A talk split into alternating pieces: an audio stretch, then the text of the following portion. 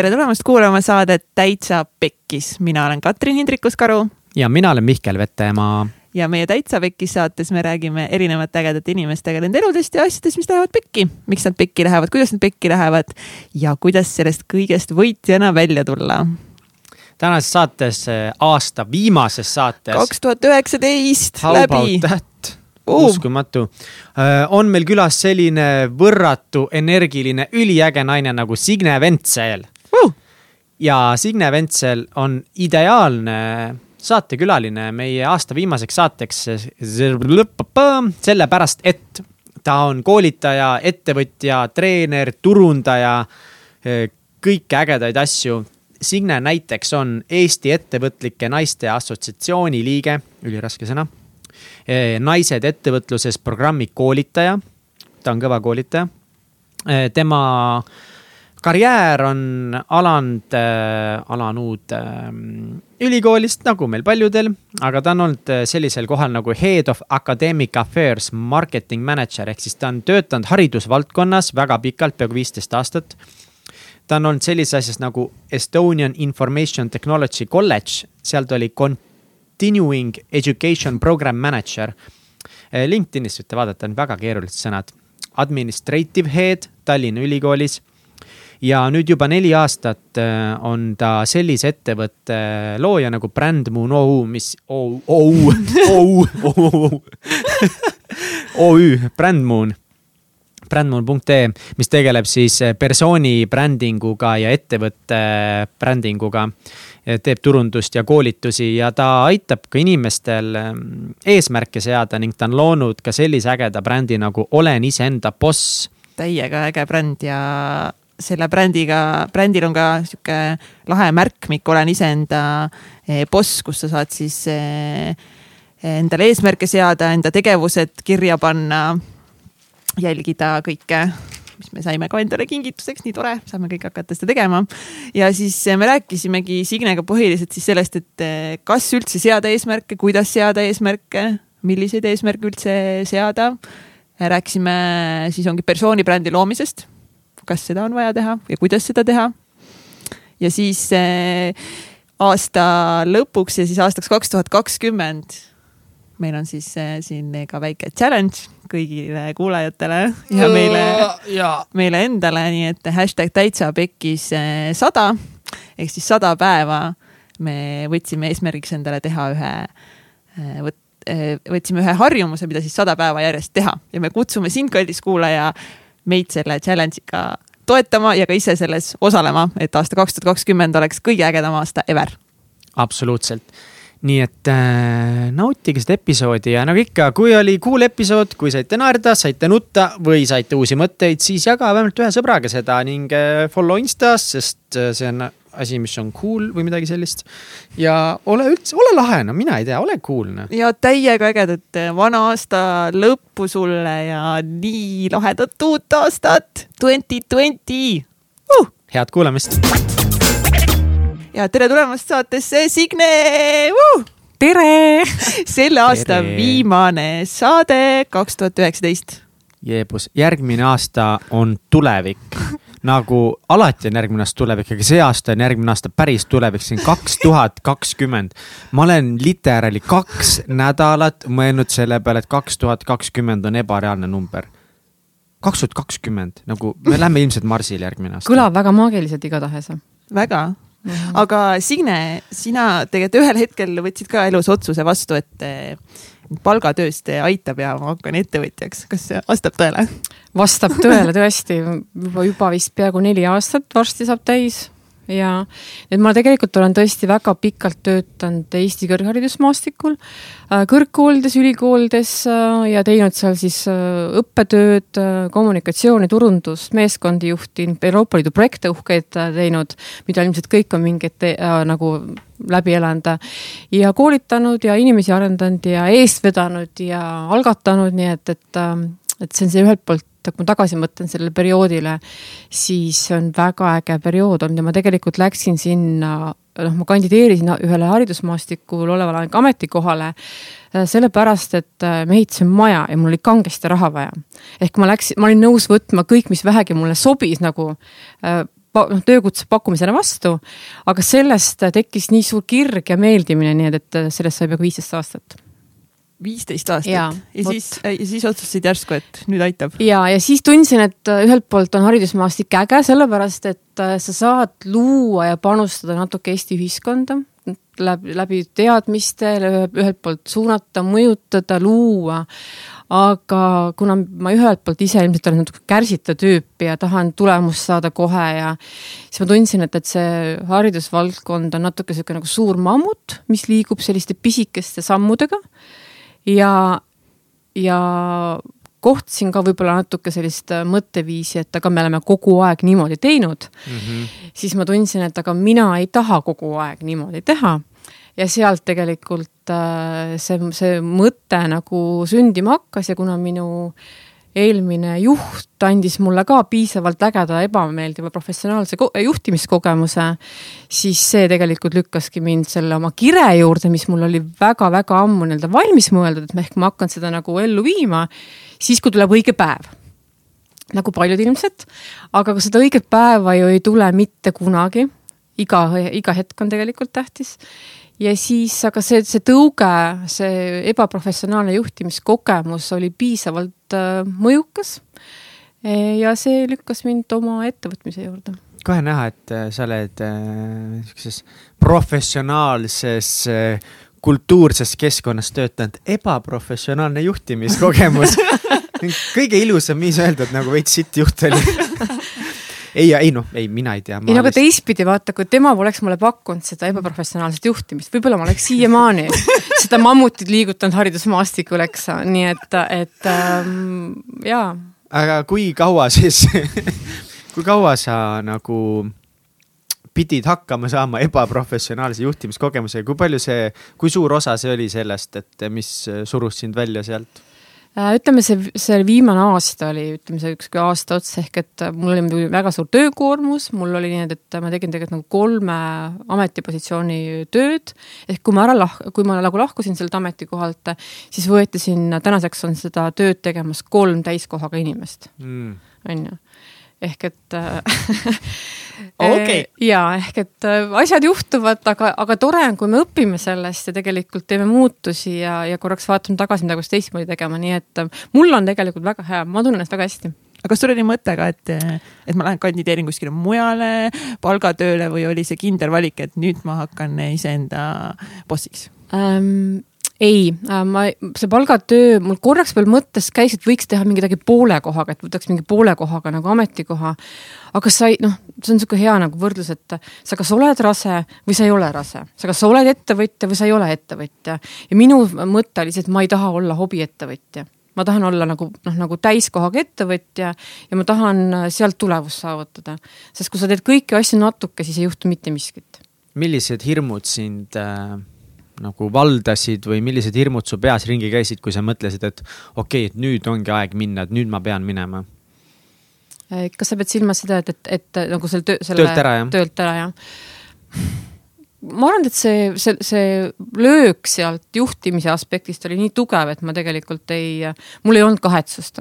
pigem mm -hmm. ma mõtlesin seda, et, et äh, ehk et kuidas nüüd kiiresti tegutseda, et endale selline nagu mõnus äh, mõnus noh, nagu sissetulekut luua, eks ole, ehk esimene aspekt on ikkagi see, et, et sa pead hakkama kohe kiiresti ennast müüma kuidagimoodi. see ei teinud sinus hirmu, et kuidas sa sellega hakkama saad või et kas sa tead piisavalt, kuidas ettevõtet alustada, kuidas valida täpselt oma tee selles ettevõtlusmaastikus? vot selleks hetkeks oli tekkinud see aspekt, et ma olin olnud Eesti Ettevõtlike Naiste Organisatsioonis päris pikalt, seal nii-öelda mõnusalt ees vedanud inimesi ja, ja projekte ja ma olen kohtunud väga paljude põnevate selliste ettevõtlike naiste naiste ja meestega.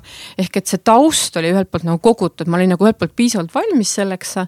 ja, ja teistpidi ka, et, et mul on väga palju sõpruskonnas äh, sõpru, kes on edukad ettevõtjad, ehk et, et äh, ma olen ümbritsenud ennast juba ägedate inimestega.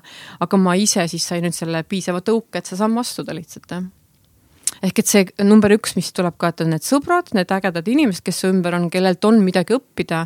ja see ühelt poolt see uudishimu olla pidevas äh, infoväljas uudi-, äh, uudistada, noh, analüüsida, on ju, mis mulle võiks sobida. aga muidugi, kui ma sattusin päriselt sinna nüüd nagu ettevõtja staatusesse, siis on see hetk, mis ma tajusin ka, et, et äh, ma olen kui mänguväljakul ikkagi päris nagu nullide teadmistega. ehk korraks tekib ka see kartus, et appi, kas ma saan hakkama, kas ma olen piisavalt hea, mida ma peaksin veel tegema, et, et see hirm nii-öelda noh, kriitikahirm, kas ma olen piisavalt hea, noh, noh, see, see käib absoluutselt läbi, eriti kui sinu lähedane sõber ütleb, et Signe, sa hakkasid ettevõtjaks, et kust sa raha saad? -hmm. on ju, ehk et tihtipeale meie need lähedased sõbrad kõige kriitilisemad ja mina panin ka tähele, et äh, kriitilised olid tihtipeale need, kes ise on hästi pikalt töötanud palgatööl, on ju. et omamata päris reaalset kogemust ettevõtlusmaastikul, küsivad äh, teistsuguseid küsimusi, mis suunavad sind tegelikult tagasi sinna sellesse mugavustsooni, on ju, võib-olla. ja ettevõtjad küsivad sinu käest neid küsimusi, mis tegelikult suunavadki sind, okei okay,, kas sa selle aspekti peale mõelnud oled, kuidas sa selle probleemi mm -hmm. kavatsed lahendada. aga inimesed, kellel ei ole seda tausta, kes lihtsalt mõtlevad ja. nagu noh, see ongi see, et kuidas sa raha saad, kuidas sa hakkama saad mm, -hmm. kuidas sa ellu jääd, mingi, kas see on mm -hmm. ikka hea mõte? ehk see noh, põhimõte oli ka see, et aga see on ju nii ebastabiilne noh, nagu valik. aga ma mõtlen ka, kuidas sina oled täna palgatöötaja, on ju, kuidas sa tead, et sa homme tööle lähed, et su töökoht on alles? Öelge mulle, mis asi täna stabiilne on? ainuke asi, millele sa võid kindel olla, on sinu iseenda mõttemaailm ja su enda nagu põhimõtted, noh. ma arvan, et kõik muu on täiesti selline äh, ühel päeval on, teisel päeval ei ole enam.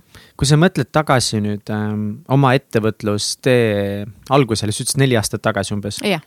et kas sa mäletad ka, et millised olid need, võib-olla mitte siis nüüd hirmud või suured fail'id, aga millised olid need esimesed suured takistused, kus sa tõesti tundsid, okei okay,, nüüd ma pean väga kõvasti mõtlema, et kuidas ma selle ära lahendan mis oli selline suur challenge? no eks äh, kõik alustavad ettevõtjad äh, põrkuvad selle kokku, et äh, kuidas seda esimest klienti leida ehk et no, no tõesti, et ühelt poolt sa nagu, sa pingutad, sa teed piisavalt nagu samme, aga tulemus on nagu üsna kesine alguses ja, ja ma arvan ka, et, et olles täna nagu inspireerimas ka naisi ettevõtlusele, siis ma näen, et see on üks takistuskivi tihti noh, naiste nagu meeste puhul ehk et tehakse pingutusi, tehakse veel pingutusi ja siis tundub, et see tulemus ei tule nii kiiresti, nagu loodetakse.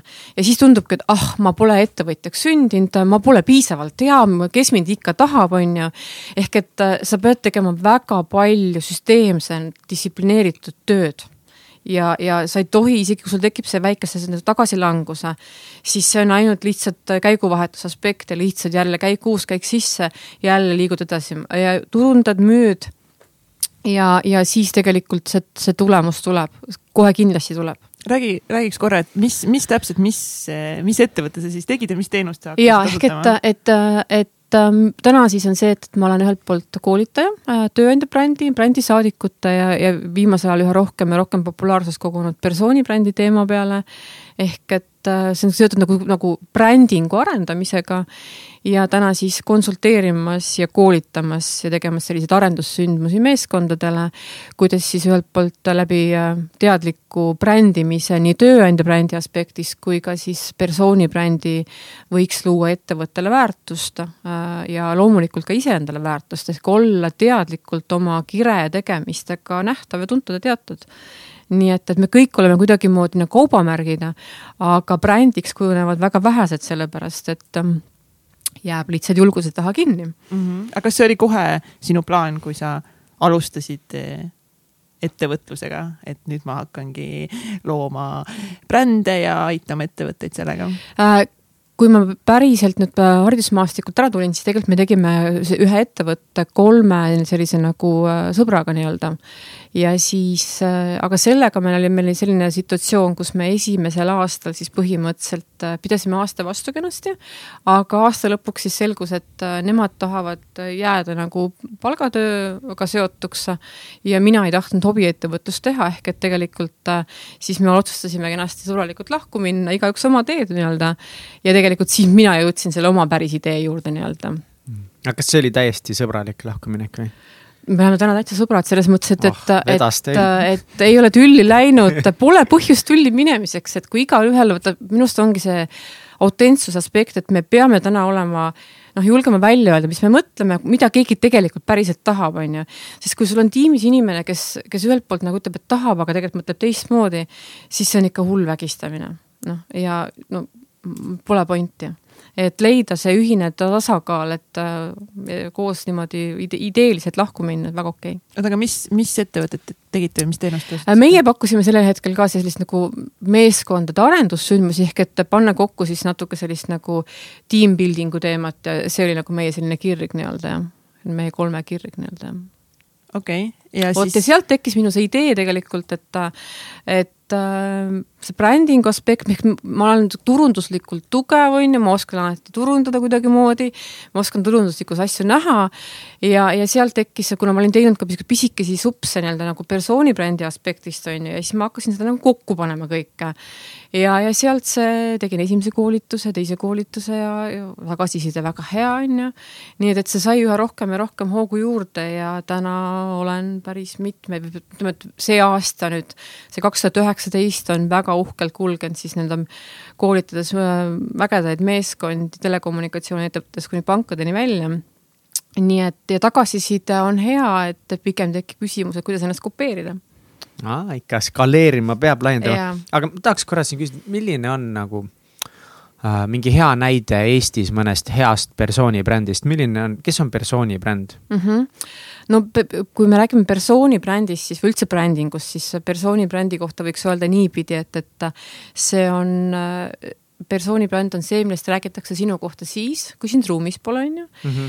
aga kui ma nüüd viskan selle küsimuse korraks tagasi sulle, et mõt-, küsin sinu käest hoopis, et äh, kui sa mõtled täna inimeste peale, oma tutvusringkonna peale või ägedate juhtide peale, missugused juhid või inimesed sulle pähe tulevad? kui räägime persooni brändist ehk et isiku brändimisest põhimõtteliselt. mul tuli korra Liisa-Maria Connor tuli äh, meelde, mm. -hmm. kuidagi panen nagu tähele, mis ta teeb. ja, ja mul tuli Evelin Veermets, ega meie, meie mingi ja, saatekülaline. aga no ongi võib-olla nemad tulevad meile sellepärast, et nad on meil saates käinud ja me teame nagu Aga- isiklikult neid, aga no jälle, nemad tulid pähe meile. aga veel? Äh, issand, nagu see on nii naljakas, mul peas käib mingisugune virvarr ringi ja ma ei saa aru, millele ma praegu mõtlen äh,. kui ma ütlen sulle sõna persoon, persooni bränd, kes sul esimesena kohe tuleb näiteks mingi Liis Instagramis? Lemsalu. mm. -hmm. mm. -hmm. Mm -hmm. aga poliitikutest? Kaja Kallas, jaa. Kaja Kallas on hea näide Jah. selle koha pealt kindlasti, jah. on või? Aga ma lihtsalt äh, nägin ma..., ta oli kuskil äh, nagu mul tuli meelde seepärast juhuslikult mingi viimane ajaleht, mida ma kuskil juhuslikult laua peal nägin, mis selle Kaja Kallase nägu peal. jube hea persooni bränd. Äh, eks selle persoonibrändiga ongi see aspekt, et äh, nii-öelda noh, kuidas ma ütlen, nagu mulle ei meeldi üldse sõna tavalised inimesed. aga ehk, et inimesed, kes me siis toimetame siin Eesti, Eesti riigis ja Eesti ühiskonnas, tihtipeale ütlevad, aga mina olen ju tavaline inimene, et -hmm. milleks mulle üldse persoonibrändi vaja, et, et ah, et see on väga nagu lauljate ja see on ju mingisuguste näitlejate teema, et aga noh, ma näen, et tal on nii palju inimesi, kes on väga-väga head spetsialistid, väga head mingis valdkonna eksperdid, noh, sisu on meeletus koguses. aga no nii tagasihoidlikud. noh, isegi tihtipeale on see, et mõni halb on? no tagasihoidlikkus, see ei ole halb, aga ütleme, et kuidas võiksid sinu juurde ju, jõuda uued väljakutsed, uued projektid, uued kliendid, on ju. Kui mina oleksin ettevõtjana tagasihoidlik ja ei räägiks, ei kirjutaks mm, -hmm. noh, kuidas, kuidas me saaksime siis üldse niisugust nagu, nagu noh, uh, ma challenge in sind No, kohe no. ma arvan, et, et number No üks on väga hea teenus. et näiteks praegu korraks mõtlen ja no jällegi jah, bränd muidugi loeb, eks see väga hea teenus on ka üks osa võib-olla sinu persooni brändist, et sa oled tuntud selle poolest, et sa lihtsalt pakud väga head teenust ja mul korra tuli meie enda ettevõte Helmes või noh, enda ettevõte, kus ma töötan mm. -hmm. Ja Helmes on hästi palju erinevaid ärisuundasid, mis on väga erineva näo, erineva taustaga ja meie ärisuunas on kõik kliendid tulnud läbi kliendi soovituste mm. -hmm. Et pigem nagu meie ärisuund väga ei tegele promoga ja, ja kui sa tõid just selle näite, et tagasihoidlik spetsialist, aga kui ta on väga-väga hea spetsialist mm, -hmm. siis uued kliendid tulevad nii või naa. mm -hmm, nõus, aga äri teevad siiski inimesed, on ju, ehk et igasuguse selle, noh, nagu kas see sinu selle Helmese taga on keegi inimene, keegi mm -hmm. persoon, kes loob kuvandit, kes loob mainet, kes loob selle kontakti nii-öelda, et selles mõttes äh, see persooni fookus tuleb üha rohkem ja rohkem mängu. Nii et ähm, ma olen nõus, et taga, see tagasihoidlikkus võib jääda, aga siiski see, kui sa oled oma valdkonna hea tegija, tuntud ekspert, siis äh, see tuleb kuidagi kommunikatsiooni ka panna, see annab sulle rohkem võimalusi, see annab sulle rohkem väljakutseid. nii et, et, et selles mõttes ja inimesed tihtipeale poevad selle mõtte taha, et aga ma olen ju eestlane noh mm -hmm. mina ütlen, et see eestlaste karikas, see ajab üle täiesti, et, et noh, ma ei saa, ema on öelnud nii, et, et eriti naistele just. me oleme eestlased ja me oleme Eestis, no mis asja. et ähm, mina ütleks seda, et kui me räägime persooni brändist, siis persooni brändile võiks panna võrdusmärgi vahe enesekindlus ja siis pannakse veel võrdusmärgi vahele usaldusväärsus. ehk et kõik tahavad teha tööd usaldusväärsete inimestega ja ütleme, enesekindel inimene paistab välja, meeskonnas paistab välja, kohtumisel paistab välja ja see on tegelikult ehk et see persooni brändi peal nähakse ainult sellist nagu välist kuvandit, aga see algab sisemisest töö iseendaga, sellest minapildist, oma, oma tugevuste ja nõrkuste üldse kaardistamisest ja inimesed ei tea, isegi tippjuhid ei tea mm. tihtipeale, mis on nende need tugevused või, või millega üldse tööd teha, on ju, mis on see ekspert, just, mis on nõrkused mm. -hmm. ehk et kui see sisemine on paika pandud, loksutatud, tehtud selline auditi pool, siis me saame minna alles väljapoole iseennast nagu kommunikeerima ehk et äh, turundama. kui see sisemine töö tegemata on, siis see on puhas niisugune klassikaline müügimehe töö. ja see mõtteviis ilmselt ongi inimestel paljudel peas, et ah, see on mingi noh, see ei käi mulle, see pole minu jaoks. aga kuidas luua siis paremini persooni brändi või millest mis asju teha või kuidas, kuidas alustada või näiteks, mida meie saaksime võib-olla näiteks paremini teha meie Täitsa Pekkis eh, brändi näitel? ja enne kui sa selle vastad, ma no., ma tahaks ikka kuulda no., kes on sinu arvates Eestis keegi, kes teeb kes siis just mitte, et ta ei ole nagu võib-olla, et, et tema bränd ei ole tekkinud sellest, et ta lihtsalt on niivõrd hea oma töös. vaata, kui sa oled hullult-hullult hea, siis sul tekib ka mingi persooni bränd sellest. ja see võib-olla ongi see, mida mina silmas pidasin.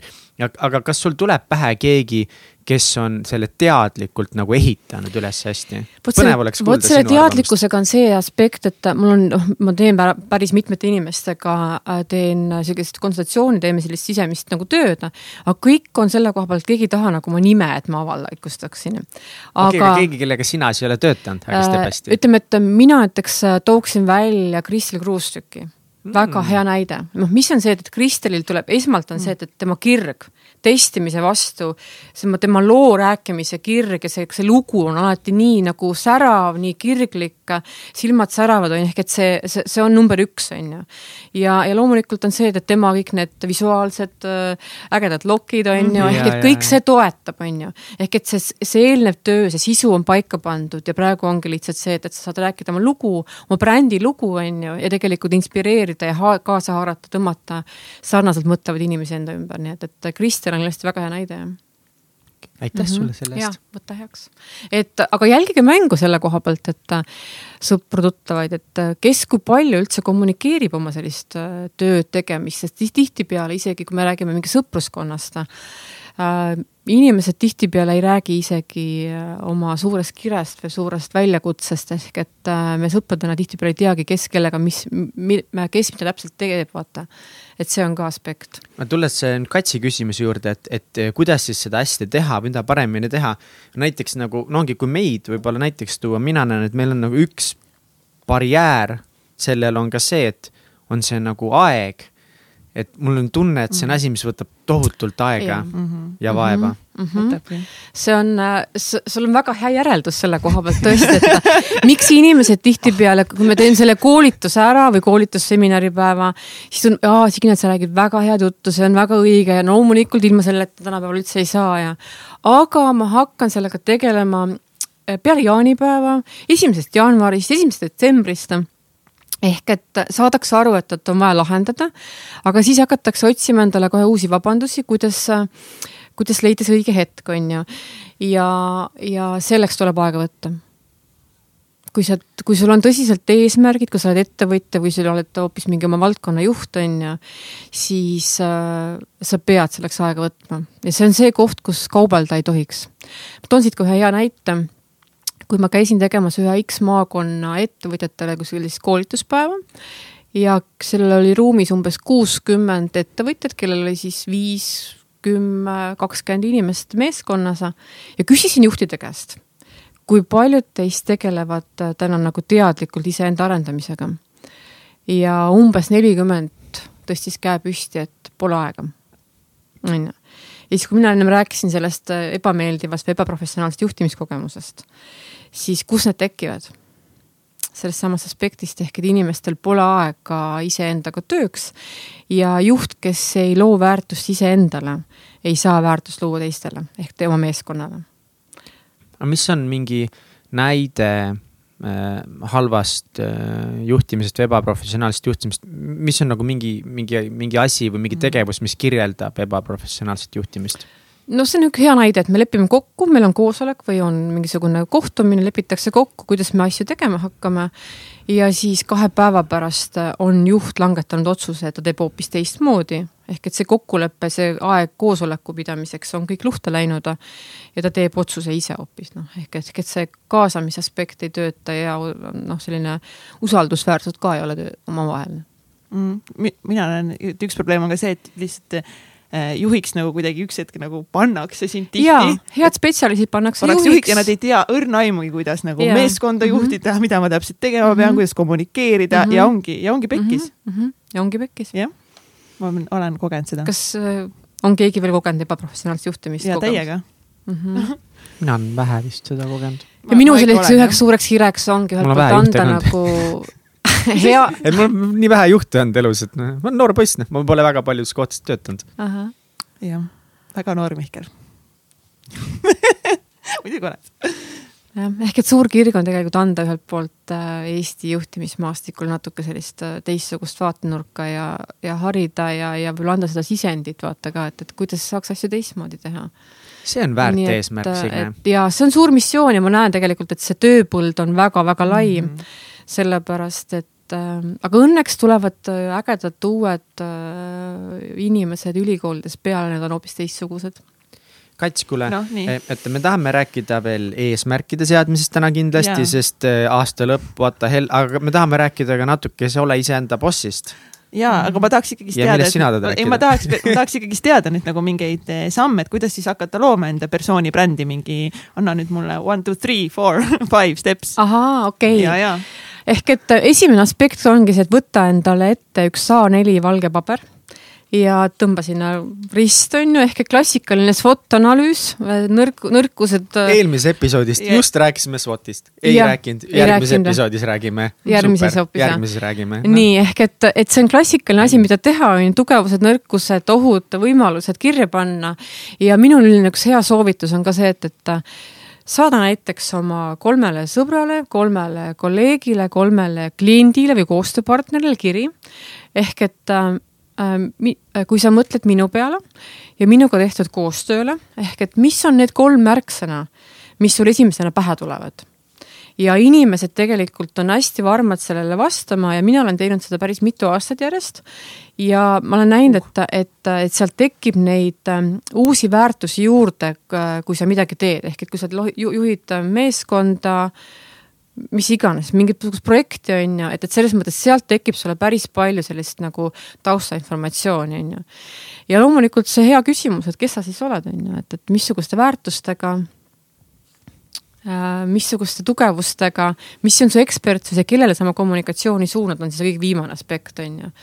nii et, ja täna me ei saa ei üle ega ümber sotsiaalmeediast oma persoonibrändi nagu turundamisele, aga kindlasti see pole üldse nagu peamine kanal, nii et, et kui ühel päeval sotsiaalmeedia on näiteks lukus või kaob ära, on ju, et, et mis siis persoonibrändist saab, et mis siis sinust järgi jääb, on ju ehk et persoonibrändi arendamise peamine küsimus on see, et kuidas sa tahad, et sind tuntakse ja teatakse mm. kuidas sa tahad, et sind tuntakse ja teatakse ja nüüd, kui sa oled nagu teinud tööd oma selle brändi arendamise kuvand äh, ku,, kuvandi loomisega, siis kindlasti peaks mõtlema selle peale, et, et kuidas sa tead, et sa kohale oled jõudnud ehk et kui sa paned paika täna selle eesmärgi ja kolme või viie kuu pärast hakkad nüüd mõtlema, et, et äkki on midagi tekkinud, ehk et mis on see tulemus, ehk mis on see indikaator avaliku esinemiste arv, mingisugune ettekande valmis et, või tegemine on ju, või hoopis mingi artikli kirjutamine või oma blogi loomine. ehk et sa pead ise nagu paika panema ka selle indikatsiooni poole. ehk et kuidas sa sellest aru saad, et sa oled kuidagimoodi kohale jõudnud, on ju. Mm -hmm. oled sa enesekindlam, oled sa nagu julged mingisuguseid, ma ei tea, uusi väljakutseid vastu võtta, on ju. kui palju erineb ettevõtte bränd persooni brändist, näiteks kui nagu kui mul on ettevõte, siis ettevõttel on bränd ja, ja siis minul kui persoonil on persooni bränd, nagu kuidas need omavahel seoses on või? no selles mõttes, et, see on ka hea küsimus. sa pead nagu väike, sorry, ma tahan täpsustasin, kas no. sa pead silmas just nagu näiteks teie enda näitel no,, kus näiteks. te olete väikeettevõtjad, eks ole, et selles mõttes, et, et sina ja sinu firma on väga tugevalt seotud, et, et sa pead selles no, mõttes nagu jah jah. Või kuidas aga, neid aga, erinevalt jah, brändida? aga samas nagu, nagu me rääkisime ennem Kristel Kruustiga, siis tema ettevõte on juba ju no, päris päriski suur on ju ja, ja tegemist ikkagi nagu hea persooni brändiga. hea point jah mm. -hmm. aga noh, teistpidi mõeldes ka, et kui mõtleme täna mingisugustele ma ei tea, tuntud koolitajatele, disaineritele, hambaarstidele või kes iganes, kes on kuidagimoodi nagu oma nime tuntuks teinud, siis me tihti ei tea nende OÜ-d ja KS-i, on ju. Mhm. vaid me teame näiteks noh, me teame Eerik Orgut, on ju, aga me ei tea Eerik Orgu, missuguse OÜ esindajad on, on ju. Mhm. ehk et Eerik Orgu ettevõte on tuntud tema läbi persooni. ja siis tema, noh, tema nagu mm -hmm. bränd ongi Eerik Orgu eh, aga, aga ma, ma ei tea, kas tema OÜ on Eerik Orgu OÜ, on ju. ma saan okay. pointist nagu aru, et, et ehk selles et, mõttes jah. ehk me tihtipeale ikkagi mm -hmm. nagu meie ettevõtte mm -hmm. ostetakse teenust sellepärast, et sina mm -hmm. isiksusena, see lubadus peab paika, mis sa nagu annad, on ju, ja see ongi nüüd see aspekt, kus persooni bränd töötab juba ise, on ju nii et äh, see on see, eriti kui me räägime nagu väikeettevõtjast, siis see persooni brändi arendamine teadlikult äh, on määrava tähtsusega on ju. ja kas üks... see, mida sa tahad öelda, siis on see, et, et nagu näiteks väikeettevõtjal või üksikettevõtjal, siis nagu see väike siin, ma ei taha nagu halvas mm -hmm. mõttes seda, aga lihtsalt ongi, et kui sul ei ole mingi korporatsioon et siis, kui sa teed persooni brändi, siis sa nagu läbi oma persooni brändi juba esindadki seda teenust, mida sa müüd. absoluutselt ehk et äh, Tom Peterson, see härrasmees, kes on aastal üheksakümmend seitse toonud äh, selle persooni brändi üldse nagu Ameerikas nii-öelda nagu avalikkuse ette.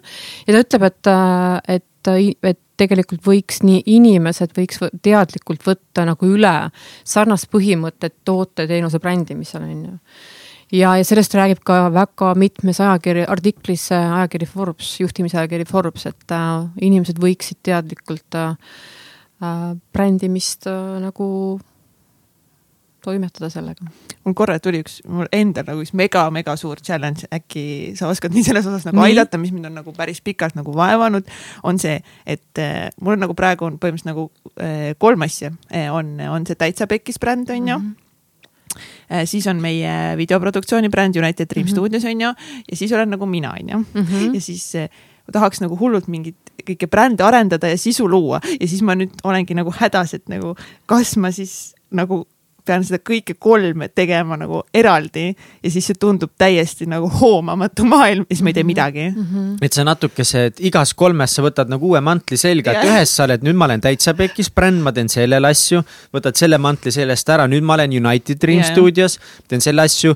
nii ja nüüd ma saan lõpuks olla Katri on ju, teen veel kolmandat brändi, kolm Instagrami kontot no,, kolm eri brändi kolm eri sõnumit. See on hästi hea küsimus selle koha pealt, et äh, inimesed tihtipeale takerduvadki kahte aspekti. on äh, siis need inimesed, kes on hästi tublid oma valdkonna kirglikud toimetajad, aga on hästi tagasihoidlikud. või siis ongi see, et inimesed, kes sellel on siis nagu väga mitu valdkonda ehk et tihtipeale sellised hunt kriimsilma tüüpi tegelased. ehk et äh, kinnisvaramaakler, fotograaf, jumestuskunstnik äh,, õmbleja, mis iganes, on ju, ehk et küsimus on see, milles sa väga hea oled. ehk et kust tekib sinu see eksper-, eksper ekspertsusaspekte. no aga sinul on nii vahvalt kokku pandud see, et, et sul on nagu see noh, täitsa pekkis saade, on ju, mis ühelt poolt on seotud sinu teise ettevõttega, aga number üks oled ikkagi sina, kuidas sa seda ise välja nagu kuvad ja kannad nii-öelda et see, et sul on mitu Instagrami kontot, see on täiesti fine, sa ei saagi kokku panna neid asju.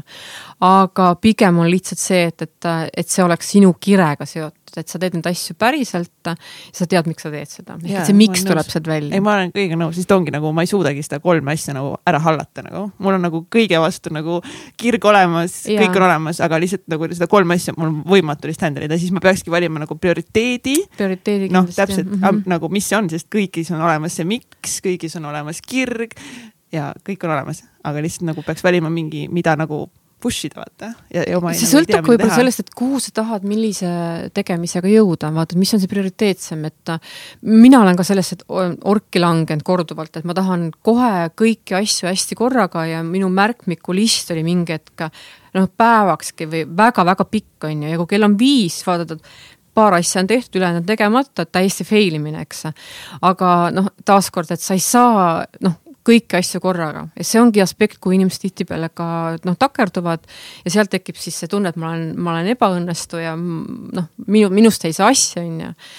et öeldakse, noh, ütleme, et kui ma siin olen lugenud erinevaid selliseid eesmärkide selliseid nagu raamatuid ja asju ja ühelt poolt iseenda peal hästi palju erinevaid meetodeid katsetanud, ikkagi üks-kaks eesmärki üks-kaks eesmärki ja siis saab liikuda nagu tulemuste juurde ka. uh, väga hea, et me jõudsime juba siia eesmärkide teema peale, et mm, -hmm. et tahaks täna siis puudutada seda teemat, kuna ikkagist aasta kaks tuhat üheksateist on nüüd kohe, kohe läbi ja kaks tuhat kakskümmend on ukse taga, et kas üldse seada eesmärke või mitte seada neid või seada ja Aga kuidas neid seada? Kats, mul on sulle selline küsimus no äh, nagu jube naturaalselt, orgaaniliselt jõudsime eesmärkideni, aga mul on üks probleem Signega.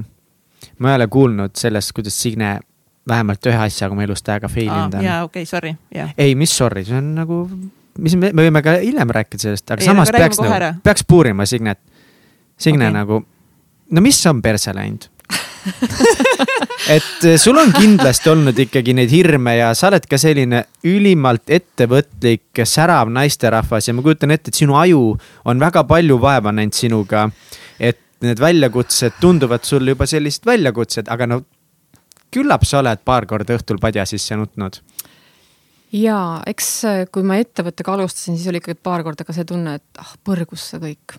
ma noh, et, et äh, ei tule välja ja, ja pole ikka see minu teema aga võib-olla, kui me räägime sellistest nagu väljakutsetest, mis uh, mind. Sorry, ma nagu, ma tean võib-olla, kust mina tahad oota, aga miks Nii. sa nüüd mõtlesid, et põrgusse see kõik ja see võib-olla kõik ei ole sulle, räägi sellest emotsioonist või kas sa mäletad seda päeva, kui sa mõtlesid, et see ikka kõik ei ole sulle ja põrgusse see mm,? ehk et mis siis oli teistsugune või? no mis tollel päeval juhtus või miks sa tundsid seda? Et ehk no mis seal, mis seal, mis ma tundsin, ühelt poolt ma teen pingutusi, noh, ma, ma nagu pingutan, et üritan nagu iseennast müüa, oma teenust müüa. Ja, ja ei tule seda nagu noh, ma tahan alati väga palju korraga saada, on ju, mul on väga selge visioon, on ju, ja see minu visioon ei lähe kokku sellega, mis on ühelt poolt siis äh, päris reaalsus, eks ole, ja siis mul tekibki tunne, et, et aga äkki see pole minu jaoks, ehk et mida inimene siis tegema hakkas, mida mina tegema hakkasin.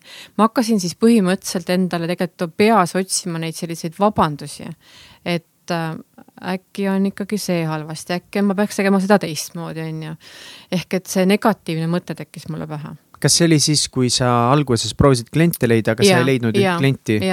Ja sa tahtsidki palju ja kiiresti? ma tahtsin palju ja kiiresti saada, aga ma olen näinud väga üksikuid ettevõtjaid, kes saavad palju ja kiiresti. ei no see on lihtsalt nagu jaa, ettevõtjad nagu come on, see võtab aega mingi, mul on Jen, minu elukaaslane Jenny ja ta ei ole ettevõtlusega väga kaua tegelenud. ja vahepeal ka nagu minu meelest tal läheb väga hästi. nõus. ja ta on vahepeal täiesti lihtsalt ma ei suuda, ma ei saa, mingi ta-ta-ta, ma olen kogu aeg nagu, mida sa räägid sa nagu alles alustasid, ehk et ma hakkasin endale looma ise ühelt poolt ka, ma, ma viskasin õhku omale need suured eesmärgid, on ju. ja siis ma tabasin ennast hetkelt, et, et ma tegelikult äh, põhimõtteliselt igale oma suurele visioonile, eesmärgile hakkan siis nii-öelda nagu panniga põhimõtteliselt neid eesmärke tapma. sest minu sisekõne oli negatiivne. ma ei suuda, ma, ma pole piisavalt hea, on ju, näed, see konkurent on palju ägedam, on ju. ehk et see on see töö uskumustega. ja ma lugesin ühest raamatust ka hiljuti, et, et äh, sinu uskumused väljenduvad sinu pangakontol. ehk et äh, kui pangakonto kasvab, siis uskumused vähenevad. Ja mina võin sellele tegelikult täiesti alla kirjutada ka, ehk et kui sa nii palju kasutad oma uskumusi murda, nii palju tegelikult oled sa selle võrra julgem, sa visualiseerid rohkem ja tegutsed rohkem Mm -hmm. ehk me oleme tihtipeale oma mingite uskumuste orjad, on ju. ma ei saa sellepärast, et minu ema pole ettevõtja olnud, on ju, noh. ma ei saa sellepärast edukas olla, sest et äh, ma lihtsalt olen naine, on ju, noh. et ehk, et äh, tööd tuleb, mina te hakkasin tegema väga palju teadlikku tööd oma uskumustega.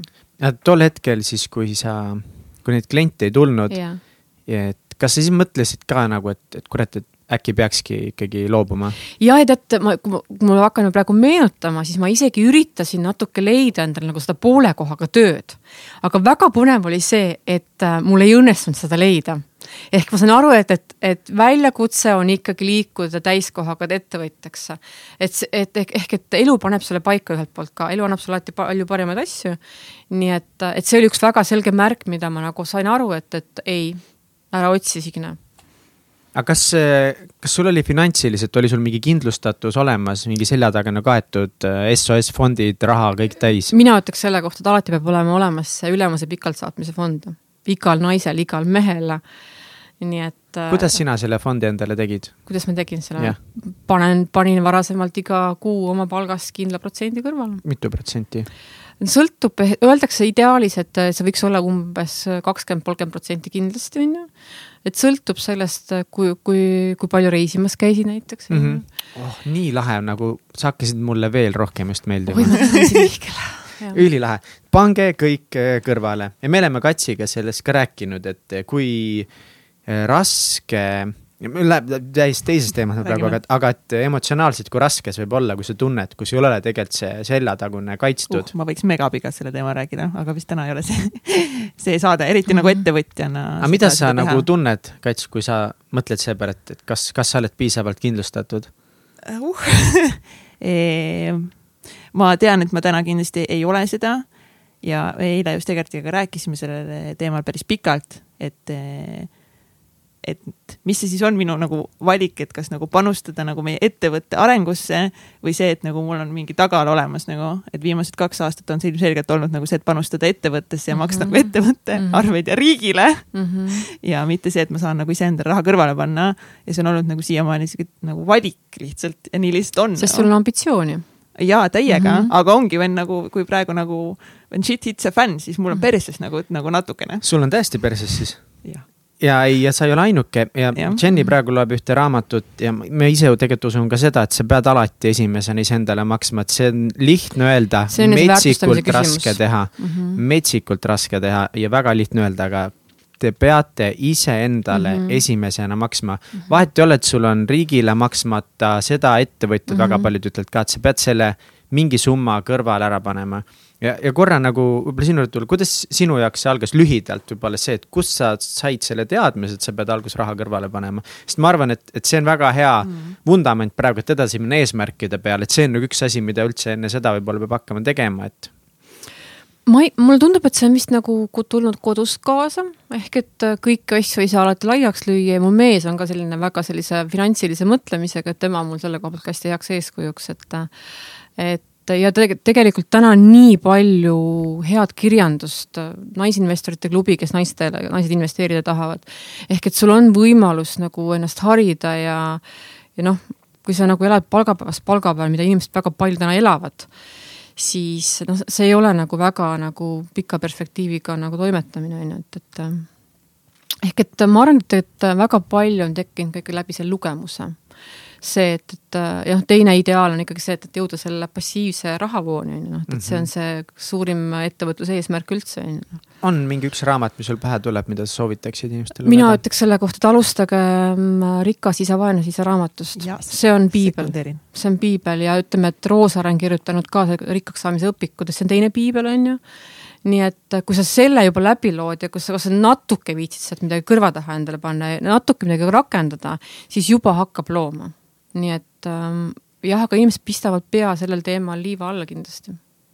raske teema. ehk et oh, küll riik toetab, küll ma kuidagi hakkama saan, on ju. tänased pensionärid, ma ütleks selle kohta, on siuksed nagu finantsjuhid, et äh, kuidas sa saad kolmesaja euroga hakkama, kuidas sa saad kolmesaja euroga hakkama, see on väga suur väljakutse, mina küll ei saaks. keeruline. me peame kunagi veel eraldi veel sellest kindlustatuse teemast rääkima küll kindlasti, see on väga-väga pikk ja väga põnev teema mm. -hmm. aga liigume edasi, oota, kas me saime mingi, kas me saime mingi väljakutse kätte? oota, me saime teada, et, et Al Signe ei ole eh, jumal vist ikkagi, et sa oled ka päris inimene mm -hmm. ja ka sinul on ettevõtluse, okei okay,, et alguses oli vahepeal siis ikkagi nagu nii raske ja keeruline ja sa ei olnud kindel, kas on sulle, aga kas siis, kui sa said juba asja käima mm -hmm. ja kas, ka siis on olnud mingeid äh, päris suuri väljakutseid või hetki, kui on olnud veits mingi täitsa pekis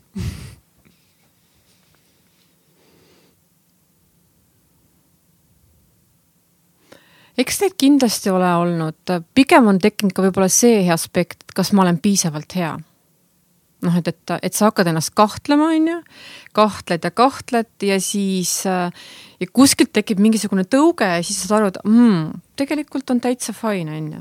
ja mis sinu jaoks seda mõtet käivitab või kust sinul tuleb see mõte? vot inimene on üks kummaline olevus, on ju, ma ei, oled sa tähele pannud või? siis ta suudab en, en, nagu väga ägeda visiooni ja unistused luua ja põhimõtteliselt hetkega ise samamoodi kõik maha, maha tõmmata ka, on ju, ja mina tegelikult olen ka selle koha pealt väga suur meister ja, ja siis ma noh, hakkasin tegelikult noh, et kui, kui nüüd on visioon olemas, on ju, ja tund-, tekib see tunne, et äkki ma pole ikkagi piisavalt hea, on ju, siis äh, tagasiside, hea küsimus, küsi kliendilt, mis talle meeldis, mis vähem meeldis.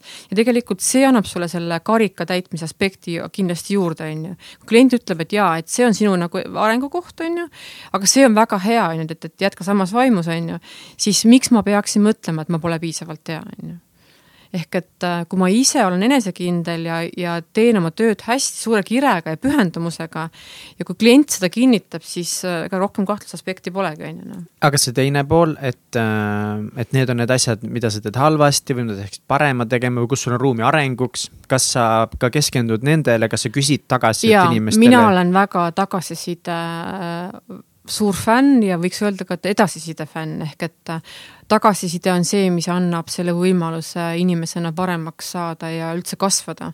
kui ma tagasisidet ei küsiks, siis ma peaks olema ikka väga suur egoist põhimõtteliselt, on ju. aga kas kas see ei arva kuidagi, et noh, et äkki sa juba tead nii või naa kõiki asju, mida sa pead paremini tegema mm. või, või annab see mingi alati teise väärtuse? alati on võimalus äh, kasvada isiksusena selles mõttes ja teine aspekt on äh, luua paremat metoodilist äh, koolitusprogrammi, on ju. ehk need on need aspektid, kus alati saab paremaks teha, on ju. nii et ähm, jah. jah, kui näiteks meie Täitsa Peks live show tagasisides, ma ei tea, oleksid kõik inimesed öelnud, et võtke see juhe seinast välja, on ju. et siis äkki nagu natuke peaks tõmbama või nagu näiteks, et see esine üldse ei meeldinud mm, -hmm. siis äkki seda ei peaks järgmine kord. ja noh, teine asi ka alati, et minu põhimõte on see, et, et äh, märgata, kui keegi teeb midagi väga hästi, siis anda tagasisidet või siis on see, et, et äh, kui sa näed, et ta nagu pingutab, ehk et äh, mis on see edasiside aspekt, mida ta võiks veel teha paremini.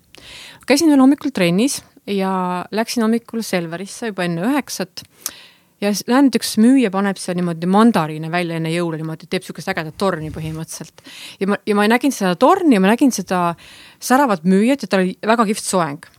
Läksin, võtsin oma korvi ja siis ma vaatan teda, noh, ta niimoodi hästi uhkelt paneb neid mandariine seal ja ütlesin, et tere, teate, teil on nii äge soeng ja siis see, see, see Selveri müüja siis on ju, ta kohe võttis oma komplimendi kenasti vastu, natuke nagu niimoodi punastas, aga ehk et ma ütlesin seda päris südamest, ma märkasin seda ja ütlesin talle välja ka. ja ma arvan, et tal sai väga hea meel kindlasti ja ta ütles mulle isegi pärast, et kauneid jõule veel ja mida kõike veel, on ju. ehk et äh, ma noh, märkasin, tõstsin inimest ja, ja minu arust on see mõte, kuidas me saaks seda kõik koos teha. ehk me tihtipeale nagu märkame, aga ega keegi välja ei julge tihtipeale öelda, on ju, et, et et see tagasiside on üks väga-väga võimas relv aga peale tagasiside sa usud ka eesmärkide seadmisesse? usun. usud? usun. kas sina ei usu või? kindel, usud või? usun, jaa no,. mul on nii ja naa, tead, mul on nende eesmärkidega juba mm. ka mingi oma kari-, mis see väljend on, kaigas vedada või mida iganes kuradi põldu künda, no mina ei tea, aga pff, ma olen elus nii palju eesmärke seadnud ja ma olen nii palju nendes eesmärkides fail inud ja ma olen nii palju või noh, okei, mitte nii palju, aga ma olen küllalt omajagu ka mingeid asju ära teinud, mis on hästi läinud ilma eesmärkideta ja ma olen nagu natukese hakanud. kahtlema. kahtlema mm., et, et okei okay,, et kuidas neid eesmärke ikkagi seadma peab miks neid eesmärke seadma peab, kas ma peaksin mm. neid eesmärke seadma? palju vahepeal, neid seadma peaks? palju ma neid seadma, vahepeal no mingi persse nende eesmärkidega, lihtsalt teeme, no mida mm. me siin kuradi istume, paneme eesmärke paika, no mm. teeme, lähme teeme, on ju. Mm. aga siis teistpidi ma olen jälle, et okei okay,, peaks ikkagi nüüd need ees, ühesõnaga ma olen mm., mul on too selgust mu ellu ja mul on väga. kuidas äh, sinuga, Kats, lood on, kas sa oled eesmärkide fänn või pigem mitte? nagu pigem ma ütlen, et jaa, olen mm. -hmm. aga mida rohkem ma kuidagi nagu viimasel ajal olen eh, vaadanud või kuulanud erinevaid podcast'e, Youtube ereid, siis nagu kuidagi on jäänud kõlama ikkagist nagu ka viimasel ajal see, et just, et nagu kas on ikka mõtet neid tohutuid eesmärke nagu endale kirja mm -hmm. panna. ja siis ma olen ka täpselt nagu Mihkel sihuke kahe vahel, et ma leian, et nagu mingis mõttes on on neid vaja või just nagu selles selguse loomises, et selles, et nagu mis ma päriselt siis tahan mm. -hmm. et no kas, et ma, ma ei jookseks nagu kümnes suunas, vaata siia-sinna ja see on äh, hea tähelepanek, et see kümnes suunas jooksmine. inimene mõtleb päeva jooksul keskeltläbi viiskümmend kuni kuuskümmend tuhat mõtet ja, ja mõtle, kui sa nüüd mõtled täna ühel päeval, et oh, täna tegelikult tahaks seda, tahaks kaalust alla võtta, tahaks reisile minna, tahaks ettevõttes kakssada, kakssada tuhat käivet teha, onju. ja homme on juba see kõik läinud meelest. ja, ja kui ma siin äh, tegin üht või lugesin ühte raamatut ja leidsin raamatust ühe põneva fakti, kus California teadlased tegid uuringu. Nad äh, tegid isegi eksperimendi ehk et inimesed, kes siis ähm, panid kirja oma eesmärgid ja kes siis ei pannud oma kirja oma eesmärke. Need, kes panid kirja paberi peale, kirjutades on ju äh,, oma eesmärgid, nad saavutasid oma eesmärgid nelikümmend kaks protsenti rohkem kui need, kes jätsid meelde. ehk et panid äh, kuskil kõrva taha, on ju, ja siis on see, et, et ah küll mul siis võtan, kui tekib see vajadus, on ju ja, ja mina, ma ütleks selle kohta, et äh, ei ole vaja teha sellist uue aasta hullu eesmärkide seadmise aspekti, vaid see eesmärk peaks olema kogu aeg sul selline mõnusalt drive iv, sind sütitav ja kirjutamine kindlasti aitab sellele selgust saada, ehk me kirjutame väga oma mõtetes läbi oma eesmärgid ja sealt tekib arusaam, et äkki võib-olla mõnda eesmärki polegi vaja nagu väga fookuses hoida. kas sa oled oma eesmärkidest põrunud ka? Ma arvan, et kõik on, see eesmärkide teema on, äh, sa paned endale ju ebareaalselt palju eesmärke võib-olla aastaks kirja ja siis vaatad hm,, pole nagu miskit tehtud, aga ma leidsin oma nelja aasta taguse märkmiku, hiljuti just tegin oma sellist koristuspäeva ja võtsin selle suvalisest kohast lahti ja õiges kohas, kus ma olin kirja pannud, et äh, ma tahan olla palgatööst vaba, ma tahan te tegeleda koolitamisega, tahan inimeste arendamisega tegeleda. Ja kui ma seda nagu vaatasin, siis mõtlesin, vau see on päriselt täide läinud, ehk et visualiseerimine, noh, kirjutamine on väga mõjuvõimas vahend, on ju nii et äh, töötab väga hästi. see on lahe, see aspekt just, kui sa leiad nagu mingi vana märkmiku üles ja mingid vanad asjad, mis sa oled kirja pannud ja siis vaatad, et mingid asjad on täiega täide läinud ja siis vaatad, noh, mingid asjad ilmselgelt ei ole, aga. siis me loome oma selle mõtetega tegelikkust, kui sa nagu küll mõtled, aga seda kirja kuidagimoodi ei pane, siis äh, noh, nagu ongi, et, et me kakskümmend neli, seitse, kolmsada kuuskümmend viis päeva aastas, me mõtleme väga palju mõtteid ja mina ei mäleta, mis ma mõtlesin umbes aasta tagasi samal ajal, on ju et, äh, et, et see on tähtis jah. ma praegu mõtlen just selle peale, et noh, neid lugusid ma olen kuulnud ka ja, ja tean isi inimesi ka, kes ongi kirjutanud asju, siis pärast nad leiavad oo, näed, panin kirja, nüüd läks täide. aga kui, mina ei tea, kui sa ei töötanud selle eesmärgi, kirjutasid selle paberilehe peale ja viskasid selle kuskil nurka ära. No mis kasu sellest siis mm -hmm. tegelikult oli, kas see paberileht nüüd tegelikult muutis midagi või? no jaa, inimesed mõtlevad, et äh, tuleb nüüd see esimene jaanuar ja siis teeme uus aasta ööle uhkeid eesmärke ja siis paneme selle paberi kuskile sahtlisse ja kolmkümmend üks detsember vaatame, oi, midagi pole juhtunud. et äh, eesmärgid tuleb ikka väga selgelt tööd teha, et noh mina ütleks selle kohta, et äh, mina ise olen avastanud sellise raamatu, nagu on Kaheteist nädala aasta. Ja ma lugesin seda umbes neli aastat tagasi äh,, olin Pali saarel ookeani kohin taustaks ja lugesin sealt välja sellise põhimõtte ehk et äh, inimesed ei suuda äh, aastaks seatud eesmärke täita. Ja seal soovitab siis, seal on tehtud uuringuid ka taustaks, ehk et inimesed suudavad fookust hoida läbi kolme kuu on ju. nii et, äh, ehk et seada oma need, võtta see suur eesmärk, on see siis seda üks või kaks tükki, seada see suur eesmärk, jagada see tükkideks ja liikuda siis nii-öelda kaheteistkümne nädalaga või saja päevaga kuidas keegi.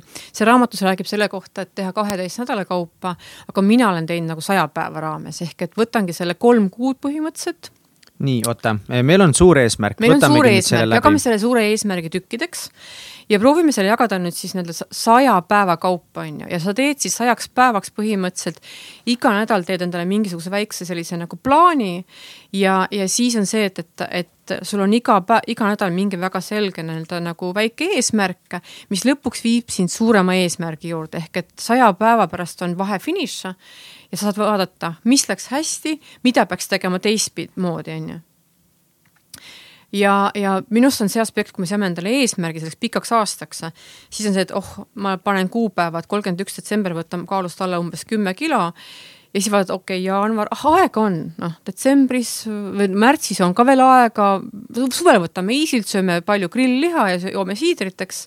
ja siis on see, et ja mingi nagu novembris hakkab hull trenn pihta ja mina olen näinud seda väga hästi, et kui nüüd see uus aasta pihta hakkab, sa lähed hommikul treeningsaali, vaat kõik on nii ka kangesti seal või tehivad trenni teha. Ja märtsi algus on juba hommikune trenn üsna hõre. ehk et inimesed on juba kaotanud oma motivatsiooni oma eesmärki täita. Ehk et mina ütleks selle kohta ka nii, et, et see eesmärk peab olema nii piisavalt sütitav ja kirge tekitav, et sa ei, et see inspireerib sind juba iseennast ehk et see on piisavalt motivatsiooniallikaga seotud. kui see eesmärk pole sinu oma või see on kas, ma ei tea, mõeldud naabrinaise pealt kopeeritud, siis see ei tööta. ja siis see jääbki kuskil seisma.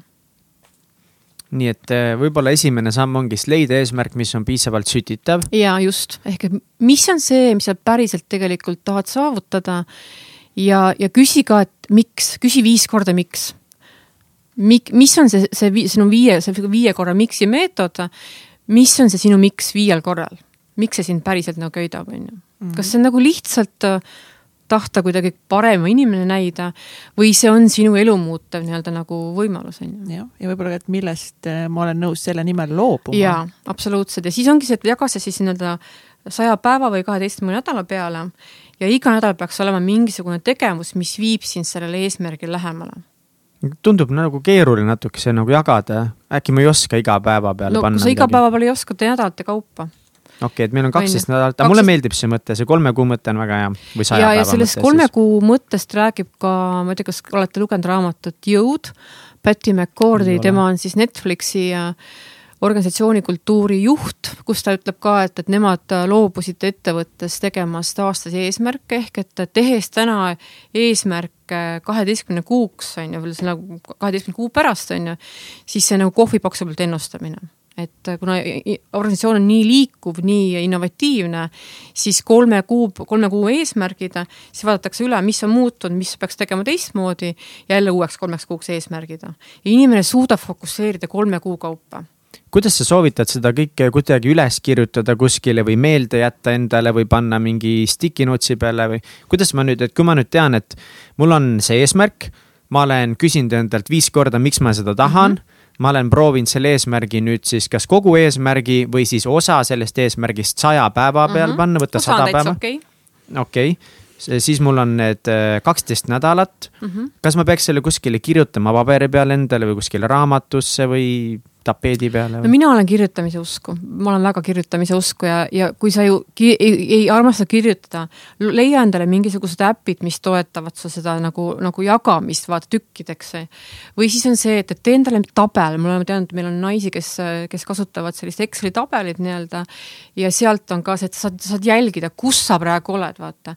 ja kindlasti peaks mõtlema nüüd ka selle kaheteistkümne nädala peale ka selle, et, et mis on see indikaator ehk et mis peaks, kuidas sa seda mõõdad mm.. et sa oled nüüd päriselt saavutanud siis selle noh, kas selle kätekõverduse teema või mingisuguse mm. nagu käibe tekitamise aspekti, et ma pean iga päev helistama umbes viiele kliendile, eks, et luua sealt seda mingisugust käibe, käibeteemat juurde, on ju.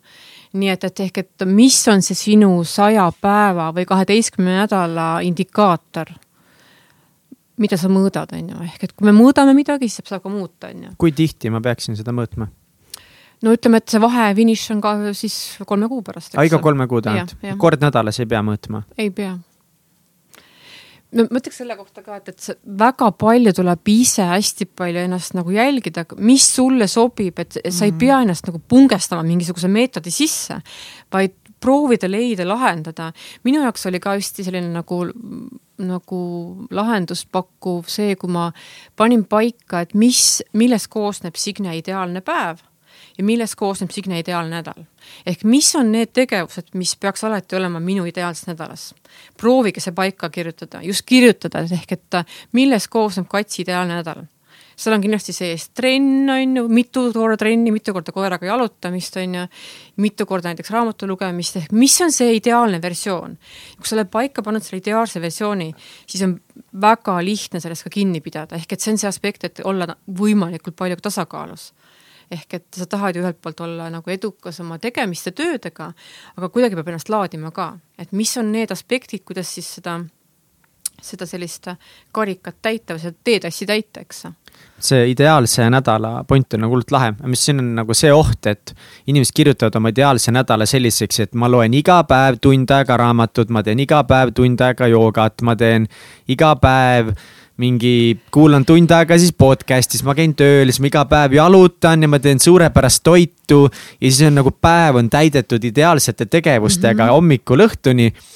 Ja siis kuskil pole sisse kirjutatud puhkamist, chill imist ja siis tundubki, et äh, sa teed seda mingi kolm päeva, sa oled nii väsinud, sa ei saa aru, miks sa jälle ei tee midagi ja mm. -hmm. mina olen spetsiaalselt kirjutanud viimasel ajal nüüd oma kalendrisse, et Signe mõnulemise või molutamise aeg.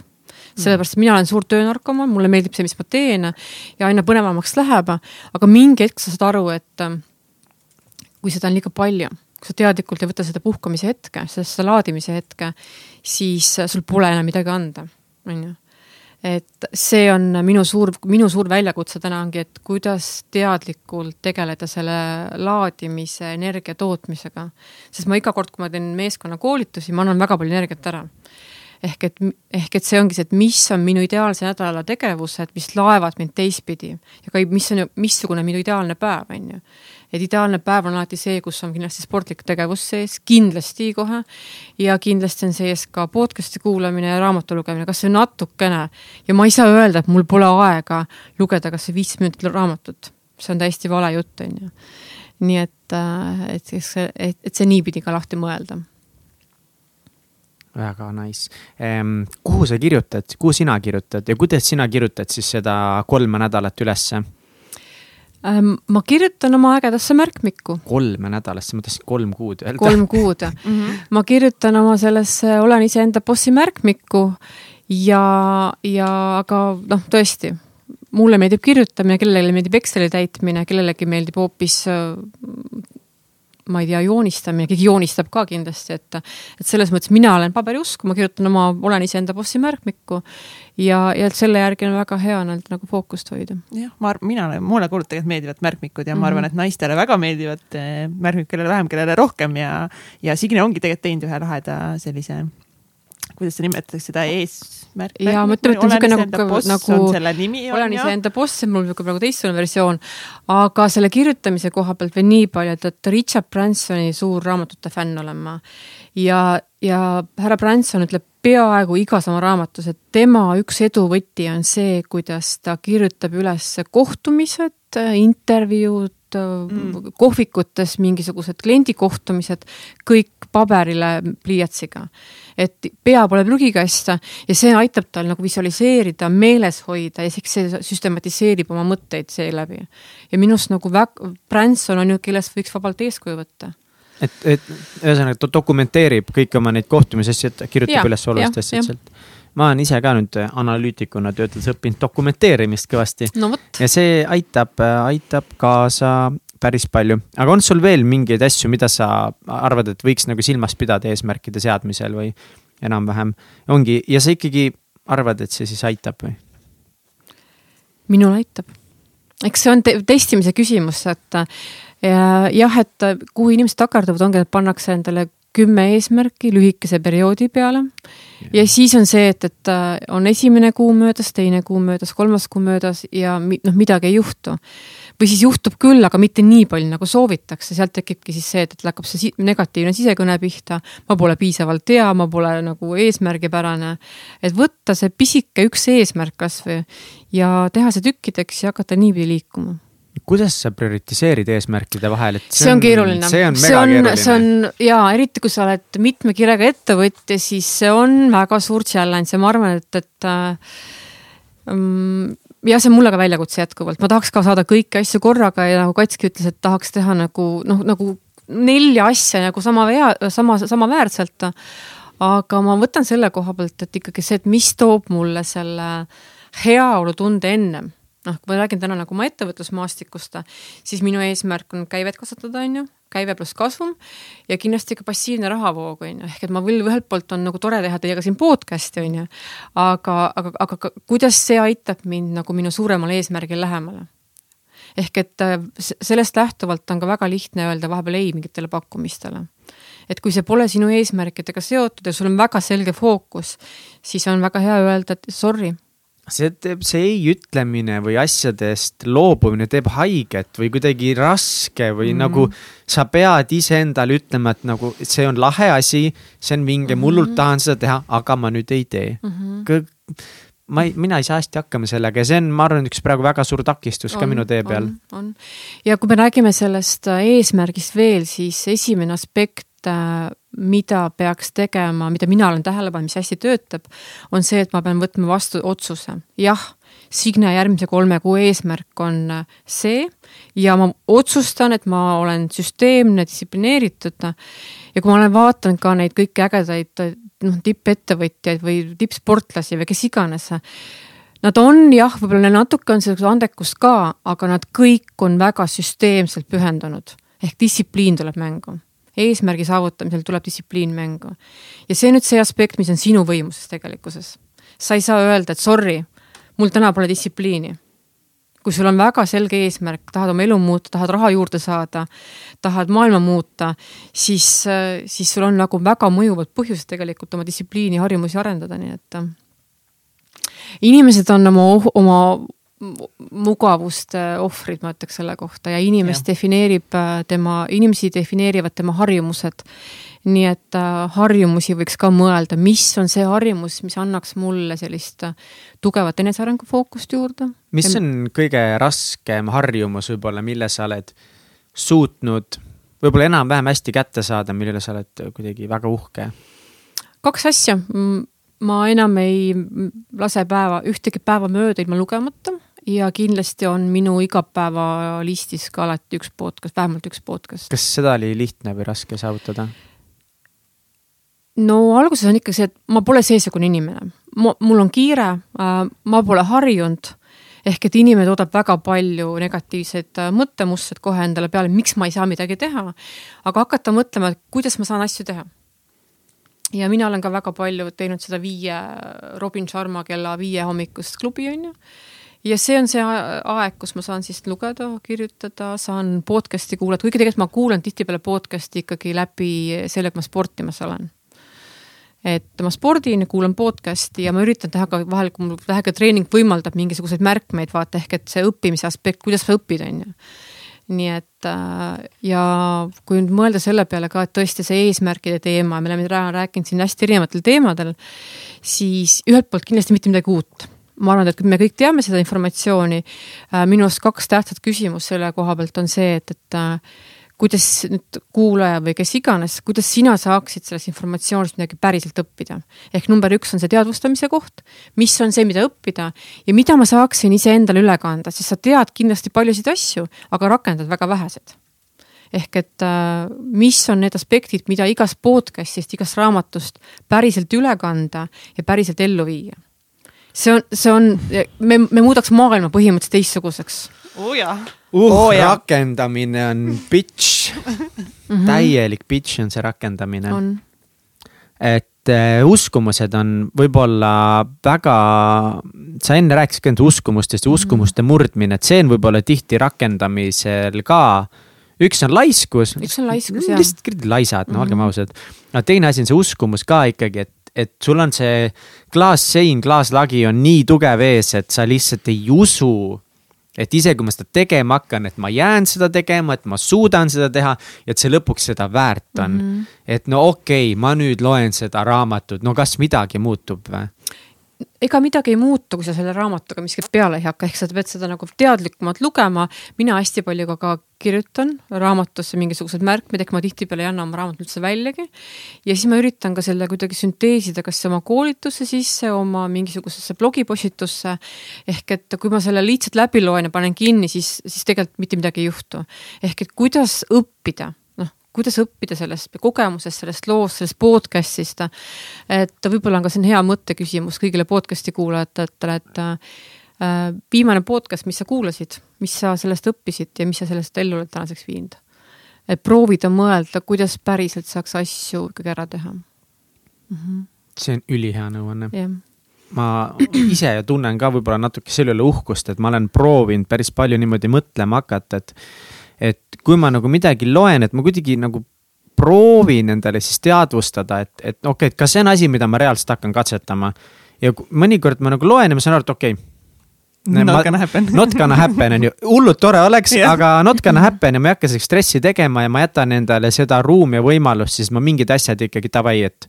ma nüüd seda mm -hmm. proovin, et just nagu täna kõige rohkem energiat on vähe ja ma olen seda oma igapäevatöös võib-olla siis praegu ainsana suutnud rakendada, et et okei okay,, nüüd järgmises kliendi emailis, järgmises kliendi kohtumises, järgmises analüüsis, mida ma teen, ma proovin nüüd seda reaalselt mm, -hmm. ma sunnin.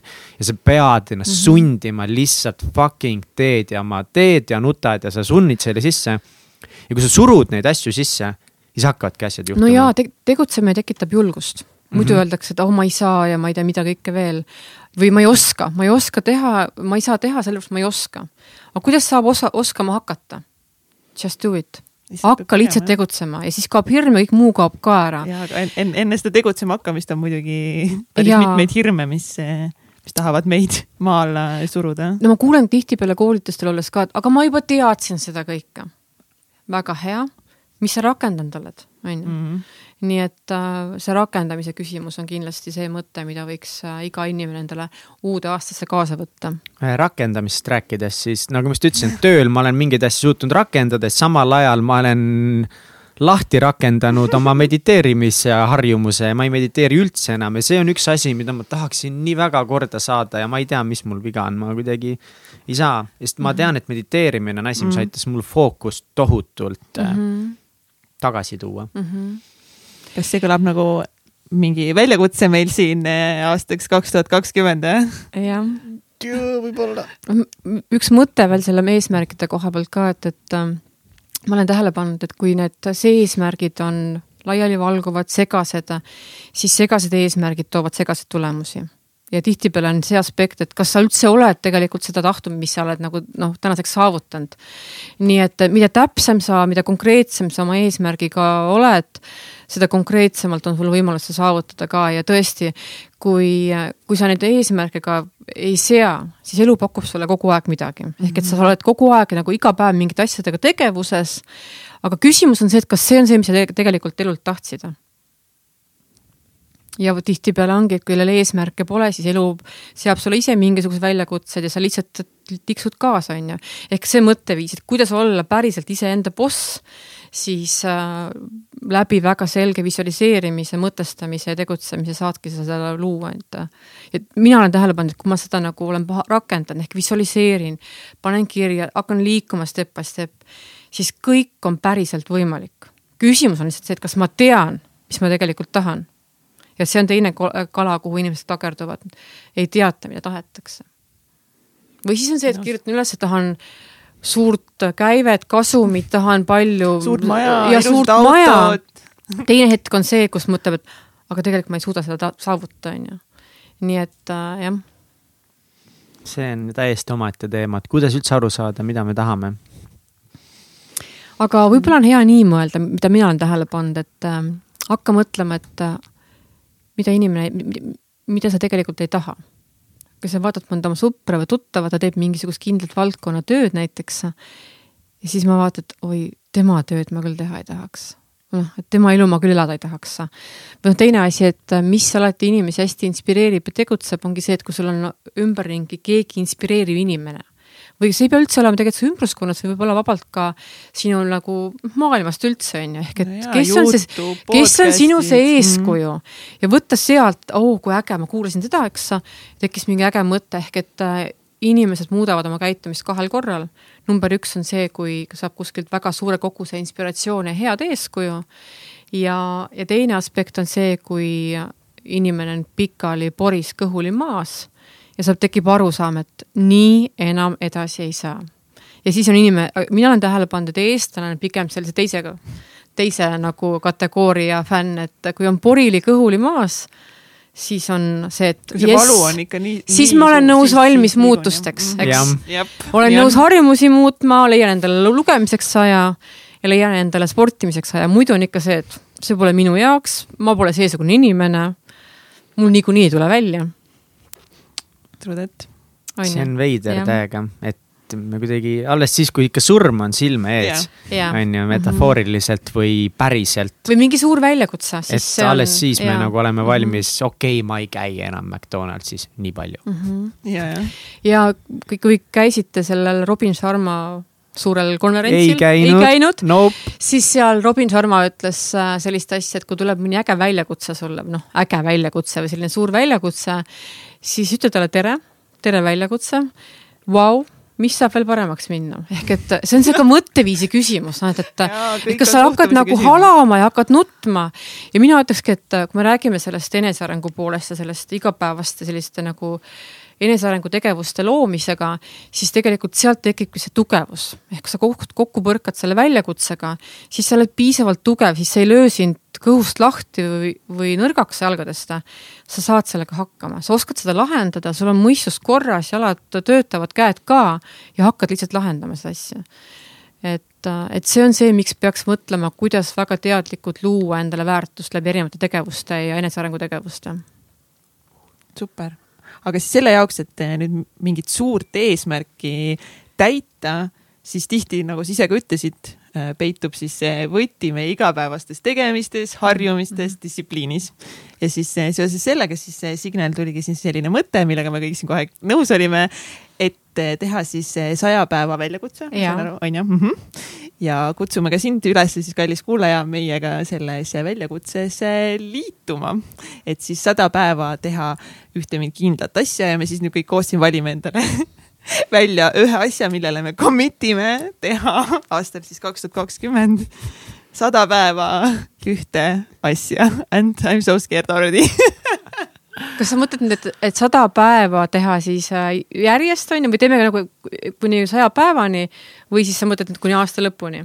ei, sada päeva. sada päeva. teeme nagu ikka, võtame ka või noh, selles noh. mõttes, et eh, see võib No. no. olla eesmärk, mis võib olla aasta lõpuks ka, aga nagu, nagu me rääkisime just, me peame Äkki. selle kolm kuud praegu ära kaardistama mm, -hmm. Mhm. et mis on, mis on, mis iganes, kas see on kolme kuu pärast või see on aasta lõpuks, aga mida sa kolm kuud pead tegema, et jõuda siis sammu lähemale või siis saavutada mm. Mhm. -hmm. Mm -hmm.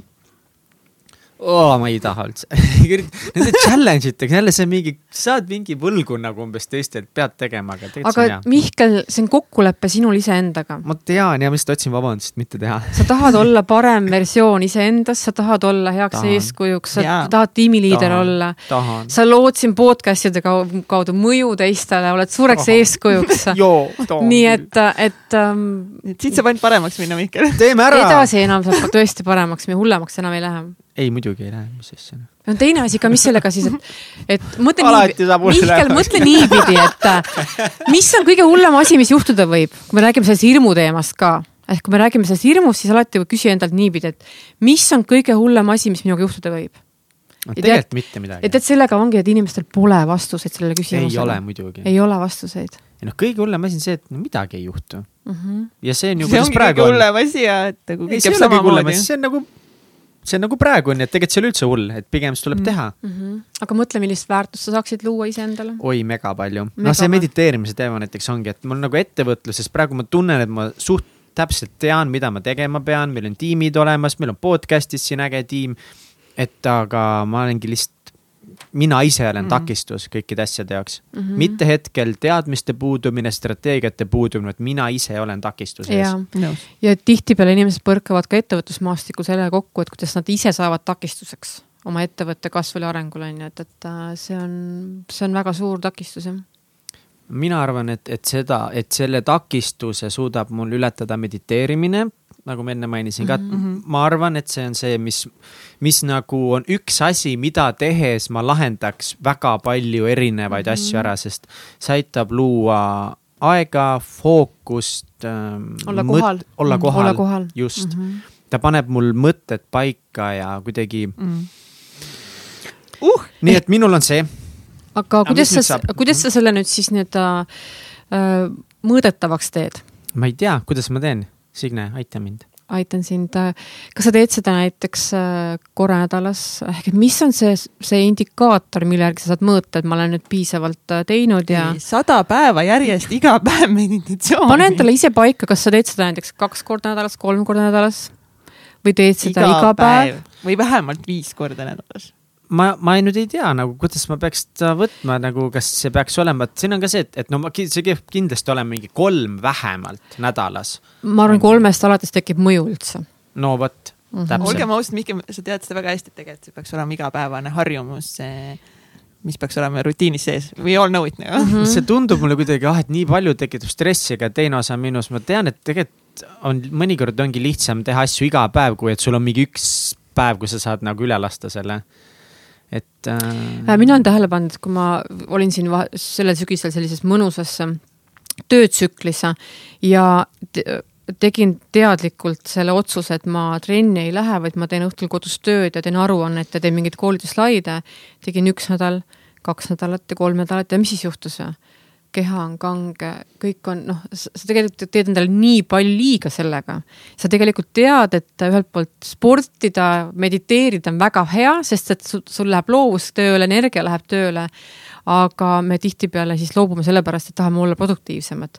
mulle produktiivsus ei, see ei toonud, pigem tekkis see aspekt, et ma nagu jäin hoopis energias kinni, mhm. on ju. nii et, et ma arvan, et see on sul väga-väga hea eesmärk, aga loo nüüd okay. endale numbrid sinna taha. sada kas... päeva iga päev kõlab väga hästi. sada päeva iga päev alates mm -hmm. esimesest jaanuarist mm. -hmm. ja äh, nii, aga kas sellest piisabki või ma äh...? ja sada päeva iga päev ma mediteerida. kas, kas ma panedki endale kirja. panen kirja, ma peaks võib-olla ja tee panema... endale siis selline pisikene, kus on sul siis märkmik või on sul mingi äpp mm, -hmm. kus sa paned neid tšekke, et jess, täna tehtud. kas see on mõistlik asi, mida teha, see tšekkida. ja, võidutunne vaata on ju. sul peab olema see aspekt, et äh, kuidas sa analüüsid. et vaata, seal on aspekt, et äh, teisipäev läks mööda, aga kas ma teisipäeval tegin või ei teinud. noh, tead, nii palju informatsiooni tuleb peale, sa lihtsalt ei mäleta et äh, ehk et see analüüs on väga-väga tähtis aspekt eesmärkide ja üldse iseenda nagu paremaks saa, saamisel nii et, et see võiks kindlasti, nii, aga sinu eesmärk oh? siis ma panin nagu kolm, ma panin kolm asja kirja, mille vahel nüüd peaks Kats. nagu valima. see on mikrofon. vabandust, Egert pole veel midagi ütlema tulnud, nii et äkki ei ole nii hull. ühesõnaga, ma panin nagu kolm asja kirja, mis eh, võiksid siis mind elus kõige rohkem edasi viia. just Mihkel ütles siis no täpselt, sest kohe ei toimi siin asjad niimoodi, et hakatakse siin pahandama. nii, ma olen väga tublisti juba täna hakkama saanud. ühesõnaga kolm asja, mis ma praegu panin kirja, olid, oli, oli et hommikuti varem ärkamine, siis teine on igapäevane liikumine ja kolmas oli ka meditatsioon. et need on nagu siuksed kolm asja, millega ma peaks nagu kõige rohkem tegelema. Ja nüüd ma peaks siit ühe valima, millele võiks commit ida. ja siis ma tean, et see on see fucking hommikuti ärkamine. Ja see on nagu kõige suurem väljakutse lihtsalt ever, nagu ever, sest ma lihtsalt ei saa hakkama sellega. Ah.. sa lähed lihtsalt hilja magama, väga lihtne. seda ka ma räägin, see kõik, kogu protsess on raske. aga ma tean, et nagu see aitaks mind elus nagu kõige. see hommikune ärkamine mm. -hmm. Mm -hmm. mis kell sa ärkad? nagu üleüldse väga kaootilised. aga vahepeal... no viimasel ajal nüüd mingi kuu aja jooksul sest me just autos rääkisime sellest, et viimane kuu aega ma olin mingi kell üksteist ärganud. aga ma arvan, mingi aasta keskmine on ikka selline mingi üheksa. üheksa mm. -hmm väga lihtne, kui sa iga päev ärkad muidu kell üheksa, siis ärgata kell seitse. väga okei okay.. ja see mõte, et, et võta see hommikune üks tund iseendale.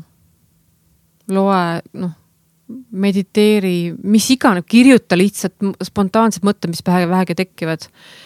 ja vaata, mis selle mõju on ja kui sa mõnikord tõesti hommikuti fail'id, siis pole ka ju hullu aga proovi pigem seda, proovi pigem seda, võta Jobu. maksimaalne pingutus ikka noogutab lihtsalt täiega. võta maksimaalne pingutus. ehk et kindlasti peaks mõtlema, et iga päev. sada päeva meditatsiooni naerab niimoodi mm. -hmm. Mm -hmm. jah, et iga, oota, mis sa ütlesid, et iga päev? et iga päev äh, võtta endale see pisike nagu see eesmärk ka, et mis sa tahad teha järgmise hommikuga näiteks, mis on see tund aega, tuled varem üles, aga mis sa teed sellega? Kas lihtsalt vaatad televiisori või scroll'id Instagramis, et see pole ju tegelikult see eesmärk, et mõtle ka, et mis on see nüüd selle tunnikese noh, loomise eesmärk. mulle keegi või kui ma lugesin vist raamatut, kus ütlesid ka, et, et äh, ise teadlikult luues disainitud päev on palju tulemuslikum kui see, kui sa võtad lahti oma mailbox'i või mm. -hmm. Instagrami. ehk et siis on juba keegi sind informatsiooniga kuidagimoodi suunanud ja sa ei loo oma päeva ise. Ehk et see mõte ka, kuidas saaks teadlikult oma päeva ja nädalat ja kuud ise disainida ehk olla oma selle mõtteviisi ja vastutava tegevusega iseenda boss. no nii, Kats, mis sul siis eesmärk on? selge siis, no hiljemalt siis kell seitse. Õnneks, õnneks ei tulnud seda, et, et ma pean nüüd iga päev kell viis hakkama ei pea. ei muidugi, miks nagu, kui sa kell üksteist ärkad, siis kell seitse on ju väga hea. Ütleme, et inimesed tegelikult lähevad kella seitsmel tavaliselt tööle juba mõned inimesed. no jah, vot, Absoluutselt. aga ma ei pea, vot see ongi see, et nagu ma ei Jaa, pea minema. ehk et see on see meie nagu, kes on vabad kaheksast viieni tööl käimisest, siis see on teis, teistmoodi väljakutse. ja no aga eks on ka mingid perioodid, kus meil on väga tihedad võtteperioodid, kus nagu peab ärkama kell Mhm. kuus, kell viis nagu selleks, et kell seitse juba võtteplatsil olla. ja, super, nii Nagu oota, nii. sada päeva, mis kell sa siis ärkad? no seitse. kell seitse, sada päeva jutti. teeme nii, et sa teed meile sellest hommikusest äh, seitsmest ärkse ühe selfie ka. Sada päeva, Marko Olo käis ju mingi, ma ei tea, mingi miljon päeva jutti jooksmas, miljon päeva oli vist, ma võin eksida, aga mu meelest oli miljon päeva käis jutti jooksmas iga hommik. no see on ikka mingi tuhat aastat või rohkem,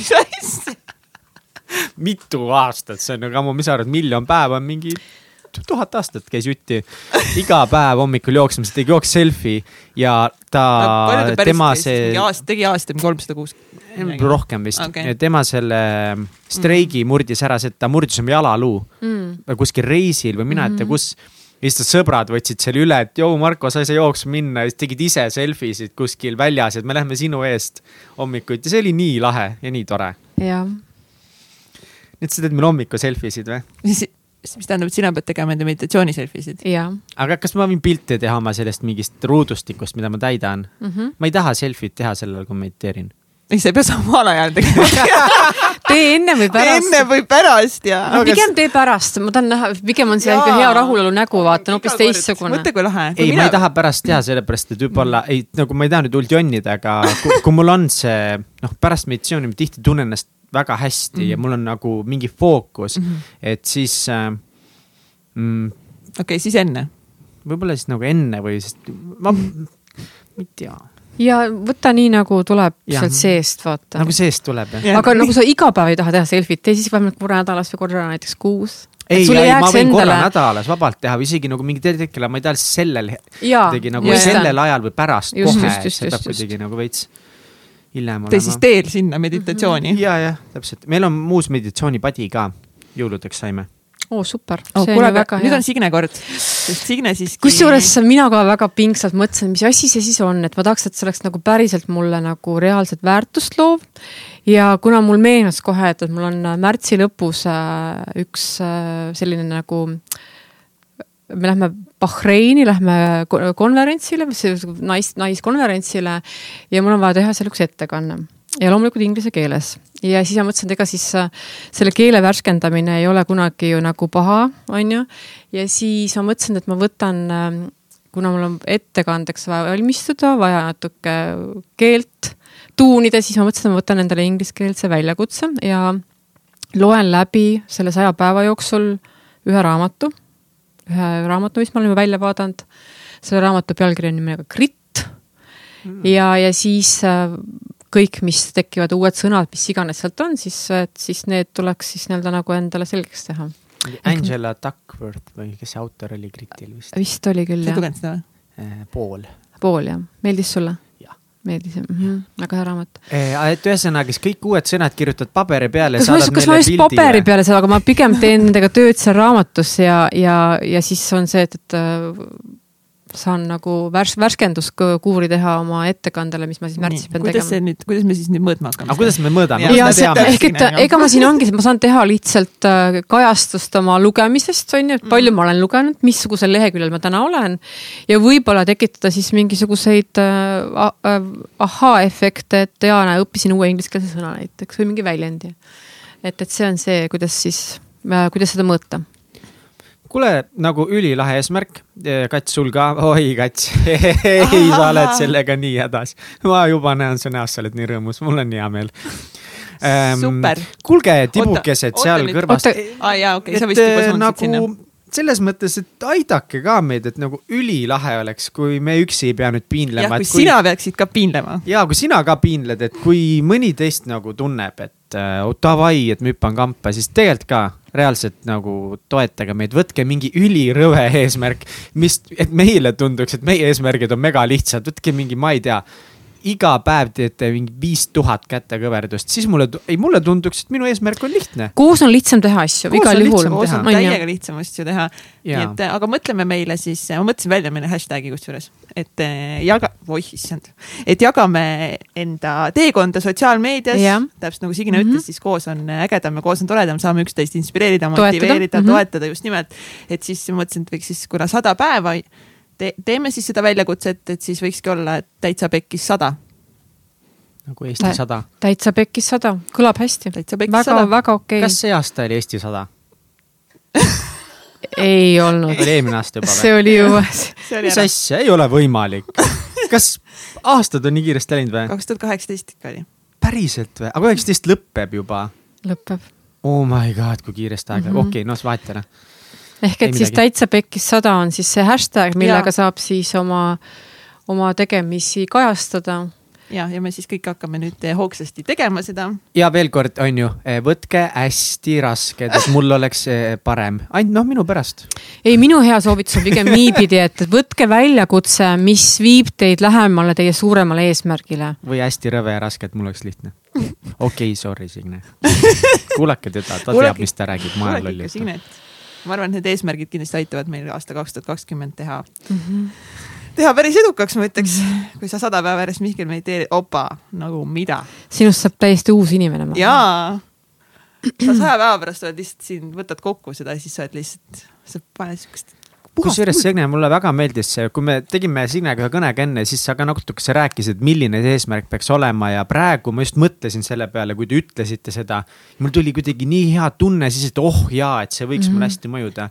et, et see on võib-olla see, mis sa just praegu ütlesid ka kuulajatele, et tõesti proovige leida midagi, mis, mille peale mõtlemine siis teeb teid rõõmsaks, et kui te selle saavutaksite, et ma ütleks selle eesmärgi kohta veel ka nii palju, et, et see eesmärk peab olema natuke selline aukartust äratav, ehk et mitte kohe reaalselt nagu tehtav, vaid ta peab sind lükkama sellest mugavustsoonist välja, sellest äh, noh, et sul tekib, oo appikene, kuidas ma seda nüüd saavutama hakkan. et seada endale eesmärke, mis sa ülehomme kätte saad, siis noh, pole mõtet, eks. ikkagi see, et, et kuidas saada nüüd paremaks versiooniks iseendaks, on ju. ja kuidas siis olla ühelt poolt ka isiksusena, inimesena ühiskonnale parem, noh, on ju nii et, et ma arvan, me kõik, me iga päev mõtleks selle peale, kuidas olla parem inimene ja et noh, läbi väärtuste, läbi sellise enesearengu poole luua paremat ühiskonda, siis me elaksime hoopis teises ühiskonnas, ma arvan, et uh.. Signe Jah. toodab kulda meile, kõigile, et pange need eh, kõik head mõtted sinna endale märkmikusse kirja, aga, aga, aga ennem kui nüüd kohe kaks tuhat kakskümmend on meil lähenemas, siis vaataks tagasi korra aastale kaks tuhat üheksateist et ma arvan, et eh, kõigil tasub seda teha, vaadata, et mis siis eh, toimus eh, ägedat ja kui sa hakkad tagasi mõtlema, siis tegelikult ma arvan, et kõigi meie elus on olnud palju väljakutseid, aga kindlasti ka palju väljakutseid häid asju, mis on sündinud äkki nendest väljakutsetest. et Mihkel näiteks, mis on sinu kaks tuhat üheksateist aasta viis kõige suuremat saavutust? Kõige suuremat saavutust või? väga hea küsimus. ma ei, ma ei tea, mis mu viis kõige suuremat saavutust, aga no mis sa kirja panid siis? no ma midagi kirja oh,, panin, panin. ühesõnaga, no ma arvan, et Helmeses ellujäämine on kindlasti minu number üks saavutus see aasta. et äh, mul on, nagu ma olen vist enne ka seda maininud mm, -hmm. et ma olengi seal, et ma olen nagu kogu aeg äh, suplen seal tormises meres ja kogu aeg on tunne, et ma nagu upun ära, aga tead mis, mul nina on kogu aeg vee peal ja ma hullult siblin. ma kogu aeg ma nagu peaaegu sul tupun ära silmad ka, see kirg on tekkinud silmadesse täiesti. ja, ja, ja, ja mul on nina on ikkagi kogu aeg tegelikult vee peal ja see, et ma olen aasta aega see nina vee peal suutnud hoida, vot see on, see on üks suurimaid saavutusi mm -hmm. minu elus. et ma päris ära ei ole uppunud veel, super. hirm on kogu aeg, et upun ära, aga mm. -hmm. Um, no challenge, see ei ole saavutus, nüüd minu teine challenge, see, mis seda aastat mulle nagu väga kirjeldab, on aja juhtimise probleem erinevate projektide vahel et äh, see on, ma näen, et see on täna üks suurimaid äh, väljakutseid ja ilmselt see tegelikult mitte ei olegi küsimus aja juhtimises, vaid on prioritiseerimises mm, -hmm. tegelikult on selle taga ilmselt. ja see on nagu number kaks asi, mis seda aastat mulle jääb meelde jätma, et. äh, et sa oled selli- õppinud paremini oma aega siis ei, prioritiseerima. ei, ei, mul on see täiesti perse läinud see seda aasta. kindlasti mitte seda. mitte, see on mul see aasta perse läinud. mina arvan, et, et ma ei saaks öelda, et sul see täiesti perse on Ma läinud, just sest ikkagi tahtsin ka sa öelda, et- ju juggle'id täiega podcast'i, teadvustamine on juba pool võitu. äh, siis oma seda äpi arengut, oma suhet sinna ennast trenni, et tegelikult sa oled nagu mahutanud need kõik asjad sinna kuidagi ära, et nagu midagi, sa, sa oled muutunud ülisüsteemseks inimeseks. aitäh, seda on küll tore kuulda. jaa, nii et nagu Jah, võib-olla sa oled arenenud täiega selles vallas. mis on see tagasiside praegu, mis sa nüüd Mihklile andsid, et super ja rohkem ja rohkem seda märkamist. nii armas. jaa, täiega, nii edasi. Äh, täitsa peks live show kindlasti, see oli, see oli fenomenaalselt äge ja hullult raske. Ja siis äh, Vietnami talvekontor meil firmaga, see oli nagu jällegi seal challenge'it ei olnud midagi, see oli lebo, päikse käes, tööd teha ei ole üldse keeruline. et aga see jäi hullult meelde, et see oli tõesti nagu väga lahe. Ja ma arvan, et Jeniga me oleme see aasta suhtes teinud väga palju läbimurdeid kuidagi äh, et me oleme, mina olen lahti lasknud mingitest äh, Dogmadest. dogmadest mm. -hmm. aitäh. dogmadest olen lahti lasknud suhtes ja kuidagi ma olen väga palju kartnud või suhtes oma mingi mehelikkuse pärast, ma pean teatud põhimõtetest kinni hoidma, sest muidu me ei ole ju mees majas. stereotüüpne mõtlemine. jah, täpselt. Ma pean ka ikka nagu ja ikka nagu mees majas olema. aga nüüd ma olen nagu aru saanud, et tegelikult äh, ei pea seda, et ma olen naine.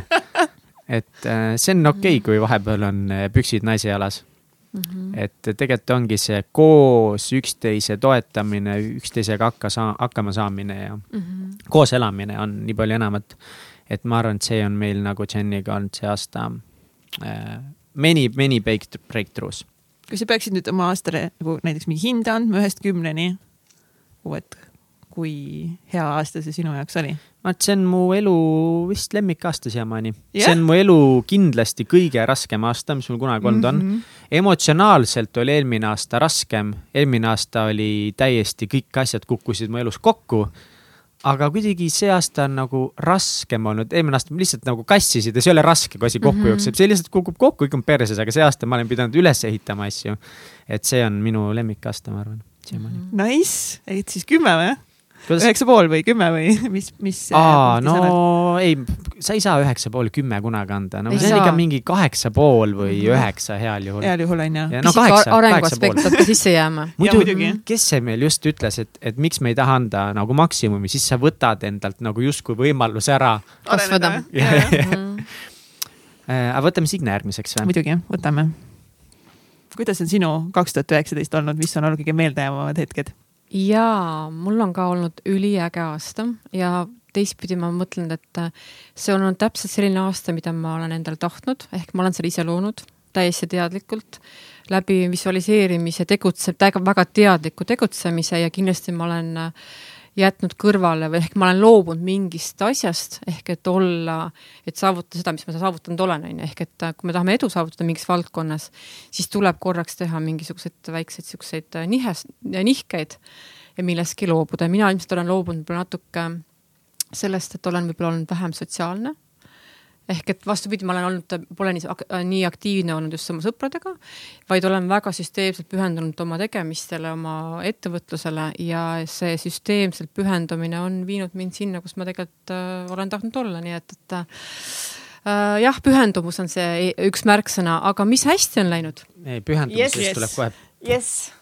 Mis on hästi läinud, ma olen uhke selle üle, et, et Eestimaa peal on üle kahe tuhande bossi, kes kõik arenevad, kasvavad, ehk et äh, see kalendermärkmiku bossi tagasiside, mis inimestelt on tulnud, kes on nagu iseennast muutnud, oma eesmärke kinni püüdnud, see on väga-väga mm. mõjukas see on, see tõsiselt köidab mind ja ehk ma olen saanud nagu anda panuse selle heas mõttes hea Eesti ühiskonna arenguks on ju, et inimesed. Nice. on kasvanud, arenenud. see on suur võit siis ma olen väga uhke oma tehtud koolitusseminaride koha pealt, tagasiside on väga hea, inspireerinud meeskondi teistmoodi mõtlema, lugusid rohkem rääkima, oma nähtavust äh, tagama. ja see on ka, mis, sa teed ühelt poolt koolituspäeva ära, sa oled väga väsinud, aga kui sa tead, et sealt juba nagu pisikesed mõtted lähevad idanema, siis see on väga võimas sihuke power, mis sulle tagasi tuleb. Ja ma olen uhke ka selle üle, et, et ma olen kirjutanud päris mitmed artiklid, lood, mis on ka see tunne, et, et ma tean, et see kirjutamine ei ole minu selline väga nagu lemmiktegevus, see tahab harjutamist saada, see tahab arendamist saada.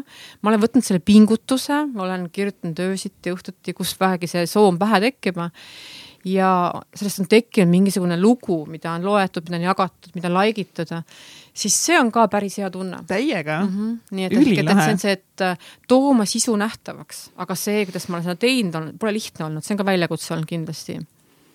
väga kihvt mm. -hmm nii et äh, ja minu. siit tuleb üks kõva kõva viis. ja me tegime Eesti ettevõtlike naistega, et lõime äriklubi ehk et see on ka üks selle aasta saavutus kindlasti, et ehk et meil on olemas nüüd nagu naised, kelle väga selge fookus on arendada oma ettevõtet ja küsitakse ka, et, et miks ainult naistele ja miks naised panevad mingi klubi. sellepärast, et äh, väga hea on olla naiskonnas või meeskonnas, kellel kõigil on sama eesmärk. see on nii toetav, see on inspireeriv, sa saad jagada oma võite, rõõmu, õppida üksteiselt, nii et, et see on väga hea meetod tegelikkuses Äh, ehk mastermind'i meetod põhimõtteliselt, kuidas oma ettevõtlikke eesmärke saavutada. kas teil on mingid üritused ka või see on mingi kinnine suletud grupp? ei, Eesti Ettevõtlike Naiste Organisatsioon on täiesti äh, rahvusvaheline organisatsioon, Eesti RAK on siin olnud juba üle kahekümne seitsme aasta ja, ja me lihtsalt nüüd äh, minu eestvedamisel me lõime sinna uue klubi ehk et väga selge ettevõtlusfookus on, on, on kuus klubi, ja igalühel on siis nii-öelda väike erinev nagu fookus, aga pigem on selline nagu arengu ja kasvu teemad, et. ja kuidas selle, selle klubiga näiteks liituda saab? selle klubiga see kriteeriumiks on kindlasti see, et olla äh, ettevõtja, me võtame vastu ainult ettevõtjaid ja, ja väga selge fookus peab olema oma ettevõtte kasvatamisel, ehk et äh, kui sul on lihtsalt täna hobiettevõtlus ja tahad veel olla palgatööl, siis, äh, siis anname aega kasvamiseks. aga kas te teete mingeid üritusi, konverentse ka laiemale publikule mm,? meil on isegi äkki üks, üks konverents plaanis vist kevade poole. sest ah. näiteks eh, sa enne mainisid, et, et kui sina alustasid ettevõtluskarjääri, sul oli päris palju juba teadmisi, kogemusi mm -hmm. kogunenud omaenda elust ja ka inimestelt sinu ümber. ja kui nüüd kellelgi näiteks ei ole ümber selliseid inimesi mm -hmm. nii palju, et, et mis on mingid kohad, kuhu nad minna saavad, et hakata natukese seda äh, sära teiste mm -hmm. pealt enda peale ka saama mm -hmm. veidi. kindlasti on see Eesti Ettevõtlike Naiste Organisatsioon toetav absoluutselt, et sul on võimalus seal kohtuda inimestega, kellega sa tihtipeale muidu ei kohtuks. ütleme, mina olen väga palju tegelikult oma sellist nagu background'i just sealt endale arendanud. ja aga miks tihtipeale see ka siis ühelt poolt natuke katki jääb, siis inimesed tahavad kohe nagu midagi nagu vastu sa nagu saada. aga sa pead esmalt hästi palju ühelt poolt ise andma ja siis saad vastu ka. Nii et, et äh, olla ise väga teadlikkus selles, selles, selle koha pealt jah. Eh, kas, oota, kas sul sai viisteist? ma ei mäleta, ei vist ei saanud. artiklid, bossid äh.... minu meelest oli, oli küll seal viis. seal oli ja, ja ehk et üks mõte veel, mis, millele ma ise ka olen hästi uhke, on see, et võimalikult palju teha koostööd Mm -hmm. leida endale isegi see, kasvõi see konkurent, kelle, kuidas koostööd teha, kui me tegime Eesti ettevõtlike naistega, tegime, äriklubiga tegime ettevõtluspäeval seminari, jagasime oma kogemusi, siis meil on täna nagu klubis kaksteist naist, kellest umbes pooled teevad koostööd oma konkurentidega, ehk et sa ei saa üksi kaugele jõuda.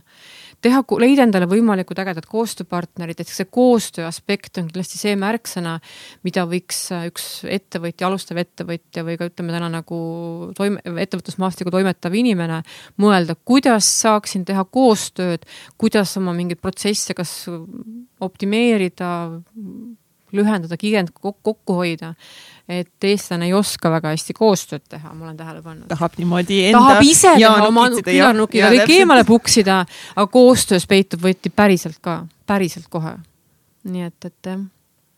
aga üks väljakutse, mis ma tahtsin rääkida mul mm. oli üks, üks, üks aasta alguses üks väljakutse, mis oli seotud ühe ägeda hirmuga. ja see hirm oli see, et me käisime mm, Kambodžas reisimas ja olime seal niimoodi, alustasime Vietnamist, läksime Kambodžale ja eelviimast päeva Kambodža rannas seal äh, Otrase resordis kuskil ja tuleb meie juurde, et üks päev oli veel, järgmine päev oli siis jäänud nii-öelda nagu olla, onju. ja siis tuleb meie juurde üks pisikene Kambodža härrasmees, kes küsib, et kas tahate baasitripile minna ma ütlesin, noh, ma ei tea, väga ei kisu, eks. aga ta võttis lahti oma selle brošüüri ja siis näitab meile sealt, et saab snorgeldada, saab äh, kala püüda ja saab hüpata kuskilt kaljult alla. ja ta näitas siis seda kaljupilti ka ja nii mina, kui nägin seda, seda kaljupilti sinise veega, siis ma olin müüdud. siis mõtlesin, et jah, me lähme sinna, maksime oma kuuskümmend dollarit või mis me maksime seal ja, ja sest minu unistuste listis oli see, et ma hüppan kuskilt kõrgelt alla, kus on sinine, helesinine vesi, mis on imesoe ja ma olin selle peas nagu väga visuaalselt valmis mõelnud. ja kui inimene on selle valmis mõelnud, kuskile kirja pannud, mis siis juhtub? siis lihtsalt väljakutsed tulevad su juurde. Ja, ja põhimõtteliselt me siis hommikul startisime siis selle Kambodža kaluripaadiga sinna ookeani peale. Või mis iganes seal siis on, onju ja olime siis kala püüdnud ja ujunud ja snorgeldanud ja kõiki asju teinud ja lõpuks jõudsime siis selle üksiku saare juurde, kus polnud elektrit lihtsalt sai niimoodi ringi luusida natukese, isegi olid mingisugused hotellid, mis on just mõeldud nendele inimestele, kes tahavad sotsiaalmeediast eemal tulla. ja ronisime sealt kaluripaadist siis välja kenasti. ja ronisin välja, ujusin kenasti läbi, ehk et kui sa seda kalju otsa tahtsid saada, pidid ka läbi metsa minema, onju. ja jõudsin lõpuks läbi metsa niimoodi paljajalu seal niimoodi komberdades, et äkki ussi kuskil või midagi. sinna kalju otsa ja, ja see oli umbes, ma pakun äkki mingisugune kolmas korrus või mingisugune seitse, kaheksa, üheksa meetrit kõrge. iseenesest ei mitte midagi hullu. ma arvan, et üks vähegi uudishimulikum inimene hüppab supsti alla ja kogu lugu, onju. aga mina jõudsin sinna kalju otsa ja vaatan sealt niimoodi alla ja, ja siis vaatan, kuidas mul noh, kõhus hakkab keerama, põsed hakkavad niimoodi kuumetama äh,. noh, kõrvad on täiesti kuumad kõik, sa tunned, et hirm on valitsenud mind totaalselt. ja vaatan ikka alla sealt ja ma saan aru, et ei, ma ei hüppa siit, see on täiesti ebareaalne, see tundus mu jaoks nagu nii hirmutav, noh väga-väga hakkasin kartma. ja kui keegi on esinenud avalikult, siis teab ka, et, et äh, kaob sul see nagu noh, sul suu läheb kuivaks, on ju. siis ma ütlesin seal ka kõva häälega, et ma tahaksin juua, ma tahaksin tohutult juua. ja minu selja taga on üks noorpaar, üks tüdruk, üks poiss ja ütleb mulle, et tahad, ma annan sulle juua. ehk et sellel üksikul Kambodža saarel oli üks Eesti tüdruk, kes kogu seda tsirkust siis pealt nägi põhimõtteliselt, ehk et ma tahtsin hüpata, aga hakkad hüppama ja kõik su nagu noh mm., mõistus tardub, sa ei saa hüpata minu sõber oli mitu korda hüpanud siis sealt kaljult alla, tulnud välja ja uuesti hüpanud, eks. minu mees ja minu sõbranna istusid paadis ja inspireerivad ja motiveerivad mind, et Signe, mis sa noh, passid seal hüppa alla, et juba kaamera saab ka tühjaks, kaua võib ja see kogu see jama kestis keskeltläbi üks ähm, või noh, niisugune väljakutse minu jaoks ähm, äkki kakskümmend minutit, kakskümmend viis minutit. ütleme, et need äh, paadis istujad olid üsna juba tigedad, nad olid kaotanud oma viimase piiri ja oh,. aga siis, mis siis juhtus ja noh, proovida uuesti, et ehk ma nüüd võtan ennast kokku, päriselt kokku ja hakkan hüppama alla siis on see aspekt, et jälle takerdub, sa näed, kui sa hüppad otse alla, hüppad äh, kividesse, kui sa teed juba ühe sammu kaugemale, hüppad imekaunisse sinisesse vette, mis on umbes, ma ei tea, kolmkümmend kraadi soe või isegi rohkem ja mitte midagi ei juhtu. sest minu sõber oli teinud kaks korda, näitab mulle ette, et tule, tule, lähme teeme koos aga mis siis juhtus äh,? siis juhtus see aspekt, et äh, sellel kohalikul Kambodža kalurimehel sai ka kannatus täis ja ta pani tööle selle paadimootori. ja siis ma sain aru, et, et okei okay,, kui ma nüüd alla ei hüppa, siis nad sõidavad minema ilma minuta. ja ma põhimõtteliselt noh, kerge selline veel noh, ärevus tekkis sinna, aga ma olin põhimõtteliselt mingisugune sekundi pärast seal all. ehk panin nina kinni, hüppasin sealt suurelt kaljult alla tundmatusse, teadmatusse mm. ehk et mis siis juhtus minu suur hirm kadus ära, sellepärast et tekkis uus hirm, ma jään paadist maha. ma sain võitu sellest oma hirmust. ja kui ma sealt siis vee alt üles kerkisin, see joovastus on mega ehk et äh, ma tulin sealt reisilt ära, okei okay,, ägedate elamustega, aga mul ei tunne kogu aeg, et mul on midagi nagu uut kaasas, ehk ma oleks nagu uuesti sündinud. ma sain aru, kui palju asju jääb elus tegemata, et me kardame miskit. Ehk me iga päev põrkame kokku mingisuguse hirmuga, on see siis äh, tervisehirm, on see mingi surmahirm, on see mingisuguse armastuse kaotamise hirm, on ju, või hoopis kriitikahirm, hirm. ja, ja see andis mulle hoopis teistsuguse kuidagi vaatenurga selle tegemistele, ehk et äh, tuleb väga julgelt tegutseda ja ikkagi sellega mõelda, et mis on kõige hullem asi, mis saab juhtuda, kui ma selle asja tege-, selle asja nüüd teen ära, eks. Mm.. nii huvitav, et seda, mul tuli kohe meelde oma mitmeaastane nagu benži-hüpe eh, Siguldas, kus oli nagu põhimõtteliselt sama asi, et kõik olid enne mind ära hüpanud, mind oli ühe korra pannud sinna rakmetesse ja ma ütlesin nagu kutid, sorry, nagu mina siit alla ei hüppa. ja kõik olid enne mind alla hüpanud, siis mulle pandi uuesti rakmed külge, et nagu noh, nüüd on see hetk. Ja ma olin nagu ikka mingi ei, ei ja siis, ja siis kutid olid okei. Okay,, nüüd on nagu kõik me paneme tagasi ja me, ja me sõidame minema, et noh, nüüd on kõik, siis ma olin mingi okei okay,, okei okay,, davai, noh nüüd. et siis mm -hmm. mul oligi see hirm, et noh, siis ma jään täiesti sellest kogemusest ilma. ja siis oli see hetk, kus mm -hmm. ma mhm. hüppasin ja see oli täiega vinge mm. -hmm. aga noh, alguses ei, ma siit, siit nagu noh kindlalt alla ei hüppa. aitäh selle loo eest, Signe, see mm -hmm. oli mhm. väga, see oli hea. et mõelge kõik kuulajad ka, et, et mis on need teie hirmud ja ma tean, et inimesed ütlevad, et aga mul pole ühtegi hirmu, mul pole mitte ühtegi hirmu, siis ma ütlen tegelikult, et see on vale sest et äh, kui sul ei oleks ühtegi hirmu, siis äh, äkki peaks elama hoopis teistsugust elu. Mhm. on ju, et mis siis, mis võiks olla teistmoodi. eks kriitikahirm on ka üks peamine hirm, miks tihtipeale jäetakse tegemata, kas avalik esinemine, mingisugune ettekanne, podcast'i saatesse tulemata näiteks. Öeldakse, et mul pole millestki rääkida tegelikult kardetakse kriitikat. jaa -hmm., kardetakse. ja kui me sellest kriitikahirmust rääkida, siis äh, kui ma kirjutasin oma esimese äh, artikli Äripäevale äh,, siis ma arvasin ka, et, et ma saan mingisuguse laviini ohvriks. ehk et sa hakkad mm., inimesena sa hakkad kohe mingisugust negatiivset asja tootma ja kust see tuleb, aru ma ei saa. aga ei tulnud mitte midagi, vaid tuli palju kiitust hoopis no palun väga, ma soovitan lugeda Mihkel Raua seda kolmandat raamatut kus ma olen ja kaugele ka sina või kuidas sina, palju kaugemale mm -hmm. jõuda. mis see on kolmas, seepärast ta vahel kirjutaski mingi tundmatu raamatu. Ähm, seal on eraldi peatükk ka just nagu kriitikast ja teiste arvamust ja nagu ta kirjeldab seal nii fucking hästi, kus kõigil tegelikult on tuimalt pohhuisust yeah.. nagu sorry, on ju, et sa põed hullult, et mida nad arvavad mm, -hmm. neid ei koti, okei okay., võib-olla kui sa teed tõesti midagi lolli, viis sekundit nad on, et okei okay,, see oli veits loll ammu need meelest läinud. tuleb uued asjad peale kohe. mitte kedagi koti, mida sa teed ja kes sa oled, mitte kedagi koti mm see podcast ka. see ülitore, te kuulate seda homme. Teil on oma mõtted, teil on oma elu, et see ongi see, uh, et see on, lugege, see ülihästi kirjeldab mm -hmm. seda, see on väga lahe nagu, et. ja noh, teine pool muidugi on see, et lihtsalt endal jäävad asjad tegemata mm. -hmm. aga Ats, sinu kaks tuhat üheksateist. mis oli täiesti crazy, kõige ägedam ja kõige väljakutsuvam aasta. vaata, kui äge meil kõikidel on nagu täiesti suurepärased aastad olnud, eks. on, tagasimõtted on nagu uh, uh. E, nagu ma panin siis, et suurimad saavutused ja need on kõik olnud, tulnud ka nagu läbi, läbi väga suurte väljakutsete e,. number üks siis e, ilmselgelt see, et, et me abiellusime Gertiga, et me olime pulmad see aasta uh. -huh. E, see oli päris suur, suur väljakutse, kuidas see kõik toimuma sai Eh, number kaks siis. vabandust väga, kas te ei, ei kavatsegi öelda, et te tegite mingi Eesti rekordi minu meelest kõige kiirema pulmakorralduses. Nad korraldasid nullist oma pulmad ära, no minu meelest mingi kahe kuuga okay.. no isegi võib-olla vähem, aga, aga noh, midagi sinna, sinna. ja see tuli veel lõpuks väga ilus välja. jah. nunnu. ja siis eh, saladuskatte all võin öelda, et eh, veebruaris siis tuleb sellest ka saade välja. oi kui äge aga selles mõttes, et nagu üks episood on ju?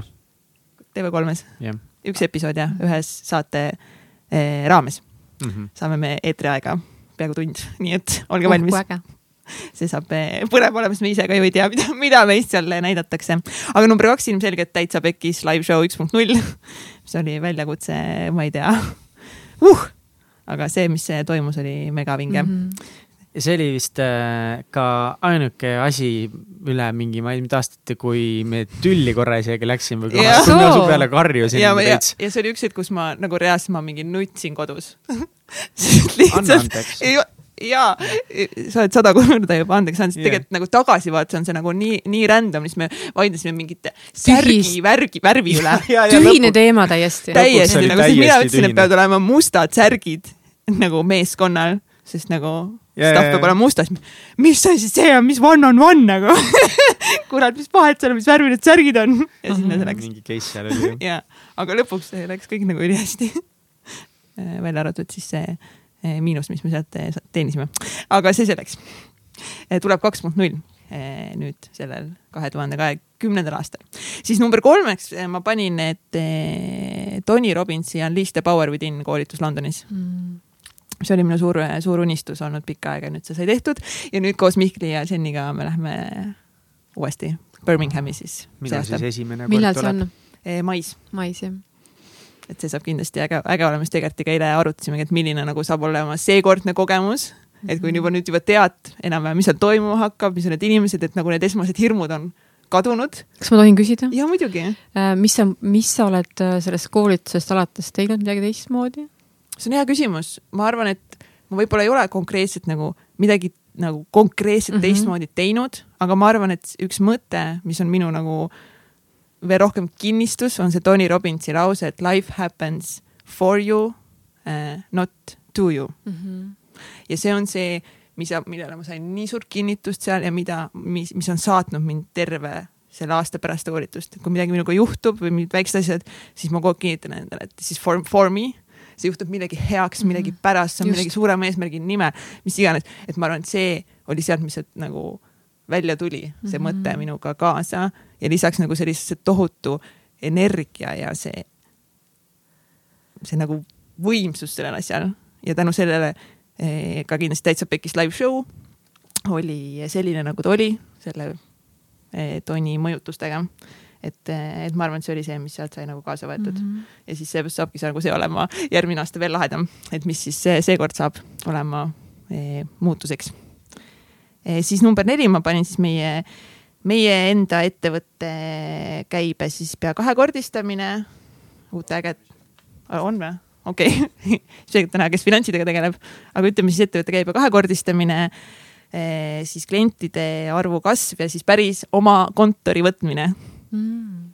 meie päris oma esimene kontor sai nüüd alles hiljuti võetud paar nädalat tagasi, mis on ülilahe.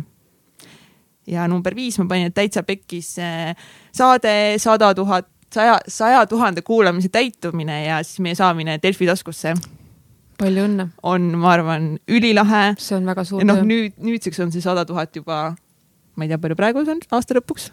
Mihkel ka ei tea, kuigi ta on numbriinimene, võiks teada.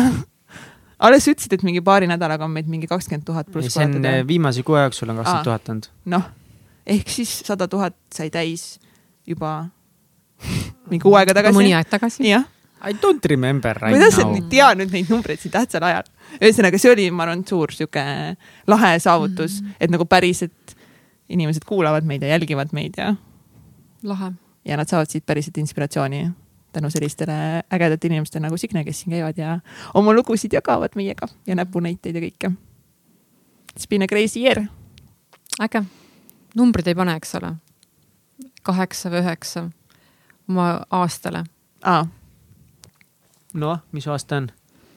oota, Signe oli enne mina mind. ka ei pannud enne, aga ma ütleks ka, et ma paneks võib-olla sinna selle klassikalise no kaheksa mingi. kaheksa jah. et ikkagi jääks nagu, kuna ma oma käibe eesmärgi ka ei täitnud, küll läks väga-väga hästi, aga Ja, siiski, et, et jätta see väike arenguruum ja et alati saab paremini, alati saab paremini. oleme siis kõik need kuldsed, need kaheksad, see, see, kaheksa pluss see igavese märk, lõpmatuse märk, just. ja, et siit, siit saab lõpmatuseni ainult paremaks ja, ja aga see on hästi hea, mis sa, ma ei mäleta, kumb küsisid, et mis on su saavutused. Kui küsida, noh, ma teen meeskonnakoolitusi, küsida inimeste käest, mis su saavutused on ja teate, inimesed ei oska öelda, mis on nende saavutused, ehk et palun mõelge, ehk et tõesti võtta see paber ja pliiats, kirjutage üles, mis on selle aasta saavutused. ja kasvõi väikesed asjad. ja see ei pea üldse olema suur, minu viimane saavutus näiteks oli see, et ma, ma võtsin nädalavahetuse vabaks ja ei teinud tööd. väga suur saavutus, mulle meeldib töö, mulle meeldib oma tegemised, võtta enda nädalavahetusel, sa ei tee lahti oma arvutit, ei vaata oma email'e, väga suur saavutus. aga mõelda nüüd ka natuke nagu laiemalt veel, et mis on sinu aasta saavutused pange kõik kirja mm. -hmm. saate aru, et päris palju ja asju on aastaga tehtud. minu, minu hea soovitus on ka kuulajatele, et pange oma soovid, saavutused ka kommunikatsiooni. et see on see põhimõte, et kuidas sa ikka nagu, kes, kes saab sinust rääkida kõige paremini, kui sa ise ei räägi sellest mm. -hmm. eks. ehk et oma väljakutsed, oma saavutused ja olge autentsed, ma ütleks ka selle kohta. noh, teie olete head eeskujud. kui läheb pekki, siis läheb pekki, no so what, eks ja So nagu what? Mihkel Raua kuldsed sõnad, et tema on, on ebaõnnestumiste suur fänn. nii Jaa. et, täpselt. nii et ma, ma loodan, et teil kõigil läheb uuel aastal hästi palju asju pekki täiega perse, kukute Kas, ja siis välgutame tõusete ka või? välja, jah. jah, nüüd on aeg veel küsimusteks. appi. appi, just nii, oo, mul ülikeeruline, tekkisid väga raske. kuus hirmu kõik, ja, ja eriti see surmahirm see jätkuvalt. surmahirm ja kriitikahirm ja mis kõik veel. surmahirm oli ka su saate alguses, nii et äh, saame ka lõpetada surmahirmuga. Signe, kas sul on olulisi rutiine või harjumusi, mida sa teed igapäevaselt või iganädalaselt? ma ütlesin, et ma loen, kuulan podcast'i ja kui me räägime nädalaharjumustest, siis ma olen võtnud juba nüüd uuest aastast, et ma käin pühapäeviti tegemas talisuplust. Uh, nice. see on, see on üks parim asi, mis minuga juhtunud ülilahe on., ma ei lae ennast maha enam jooksmisega, vaid ma vajan väga ekstreemset kogemust, et saada endale uus restart teha ja ma soovitan. ja ma tege-, tegelikult olen väga külmakartlik inimene Nice mm. -hmm. respekt mm. -hmm. Mis podcast'i kõige rohkem kuulad või enamasti, mis sulle meeldib? mm,. Eesti omades kuulan äh, Täitsa Pekkis, Hakkame tegutsema, mulle väga meeldib Teet Talksi äh, neid, neid lugusid kuulata Youtube'ist ja, ja Gary Nice. Vaynerchuk on muidugi väga hea. nii Jaa. et, et äh, ilma temata, ma arvan, on jah, enam ei saa. enam ei saa jah. milles sa väga hea ei ole?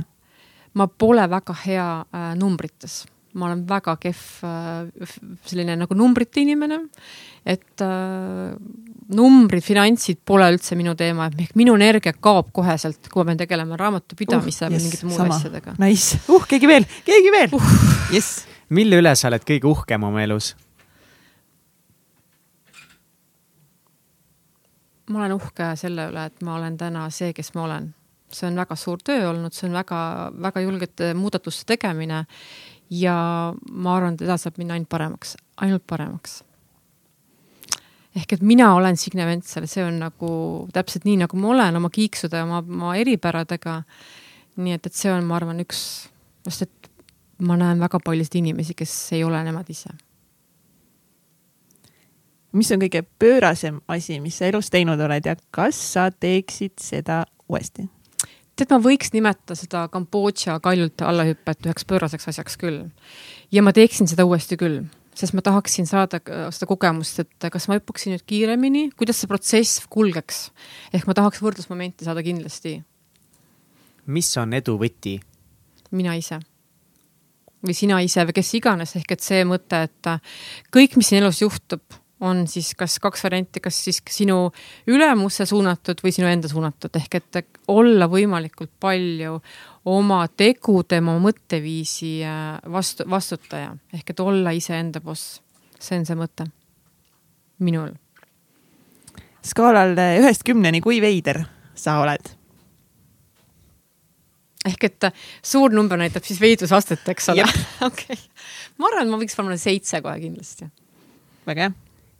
Kas ja kui palju sa loed raamatuid? väga palju, väga palju, et äh, ma just sain kodus äh, nat- natuke riielda, et äh, kõik kohad on sinu raamatuid täis, kas sa ei võiks neid kokku korjata ja ühte kohta panna, et äh, et ma tõesti loen raamatut, ma loen mitut raamatut korraga, ehk mul on nagu mitu, kui mul on nagu koolitus ees, mul on mingi muu teema, ehk et mitu raamatut on väga selges fookuses ja see on täitsa normaalne. Nonii, nüüd meil on meil on sulle raamatud, nii et sa saaksid neid rohkem vedelema jätta igale Eh, poole. meil on nüüd sulle anda valida. täitsa, kindlasti sa oled siit mõnda juba äkki lugenud, aga sa saad siis endale ühe raamatu siin valida, Million Mindseti poolt siis näiteks on valida Leia oma eh, Miks on Simon Sineki klassika, siis eh, mõt- eh,, miljonäri mõtteviisi saladused. äkki sa oled kõiki lugenud? äkki seda ei ole järeleandmatu Tim Croveri poolt ja siis on nutikaks, terveks ja rikkaks, kuidas saada by Randy Gage. jaa, see on mul loetud, see on mul loetud. vot need kaks Vot, on nüüd hea. täitsa. Need siis- Simon Sinek ja Randy Cage on loetud. väga hea, jaa, need jätame aga välja. see on nüüd väljakutse. kas ma pean kohe valima, jah? ja ja siin ei saa pikka. Siin ei pidu, ole jah. mingit, ma mõtlen, see on kohe plaks. tuleb teha valik. ei, sina ei, pead sina valima. Mina pean valima. sa pead, sa pead lihtsalt sisetunde järgi valima, kumb sind praegu. sul on kümme sekundit kümme õige, super. õige. sa mõtled sama asja, eks? ei, ma ei mõelnud midagi, ma lihtsalt ütlesin õige see oli lihtsalt sõna, mis suust välja tuli mingil põhjusel. Signe, kus meie kuulajad saavad sinu tegemistel ja toimetamistel silma peal hoida?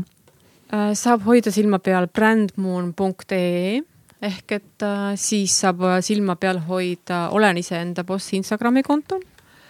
nii et ähm, jaa, ma arvan, et see on täitsa piisav selleks, et kätte saada, ma just, ma tegelikult kirjutasin just eile ka Brandmooni blogisse selle äh, mõtte, et viskame aastaplaanid minema nii et kes tahab selle kolme kuu eesmärkide seadmise kohta natuke rohkem lugeda, siis sealt tegelikult saab selle kätte küll. Ja pealkirjaga, et viska oma aastaplaanid minema. viskame aastaplaanid minema. sihuke julge nagu statement kohe uh., et, et pff, ei, siin pole miskit. Go check it out. jaa, aga siis ongi niimoodi, et aasta on läbi peaaegu. episood on läbi tänaseks äh,. aitäh teile kuulamast ja nagu ikka, et äh, kui oli äge episood, kui sina said näiteks endale mõtteid, kuidas eesmärke seada või mingeid uusi ideid lihtsalt eesmärkide osas, siis jaga vähemalt ühe oma sõbraga, kes äh, kellel võiks olla ka vaja eesmärke seada, on vist, mida ma tahan öelda, Mhm. jah. jah, kellel oleks sellest informatsioonist kasu, mm. -hmm. selle ägeda naise Signe kuldaväärt mõtteid tuleb jagada kõigiga, aga sa jaga vähemalt ühe või kahe sõbraga. kutsuks siis ka meie challenge'iga ka liituma kindlasti, ehk et hashtag, täitsa pekkis sada. kas sada on nüüd numbritega või, või no numbritega. numbritega, täitsa pekkis sada, just. aga mul on ka tegelikult teile kingitus. et äh, Mihkel saaks oma linnukesi teha. mina sa tahtsid, sa tahtsid teha linnukesi, meditatsioonilinnukesi ja tahtsin. siis äh, ja, ja kuidas siis kats silma jääb, eks, et äh, mul on teile bossi märkmikud. jess. ehk te saate olla ka oma tegude ja mõtteviisi bossid äh, ja olla heaks eeskujuks kõikidele teistele oma ägedatele sõpradele, tuttavatele, nii et, et oh. ja, ja võtta see mõtteviisiks, et kõik, mis juhtub, on, saab alguse sinust. olla iseenda boss. meist. Aitäh sulle, Signe. aitäh. Signe. see oli praegu, see oli nii tore. head vana aasta lõppu kõigile. head vana aasta lõppu ja, ja head uut aastat. ja veel paremat uut aastat. tšau.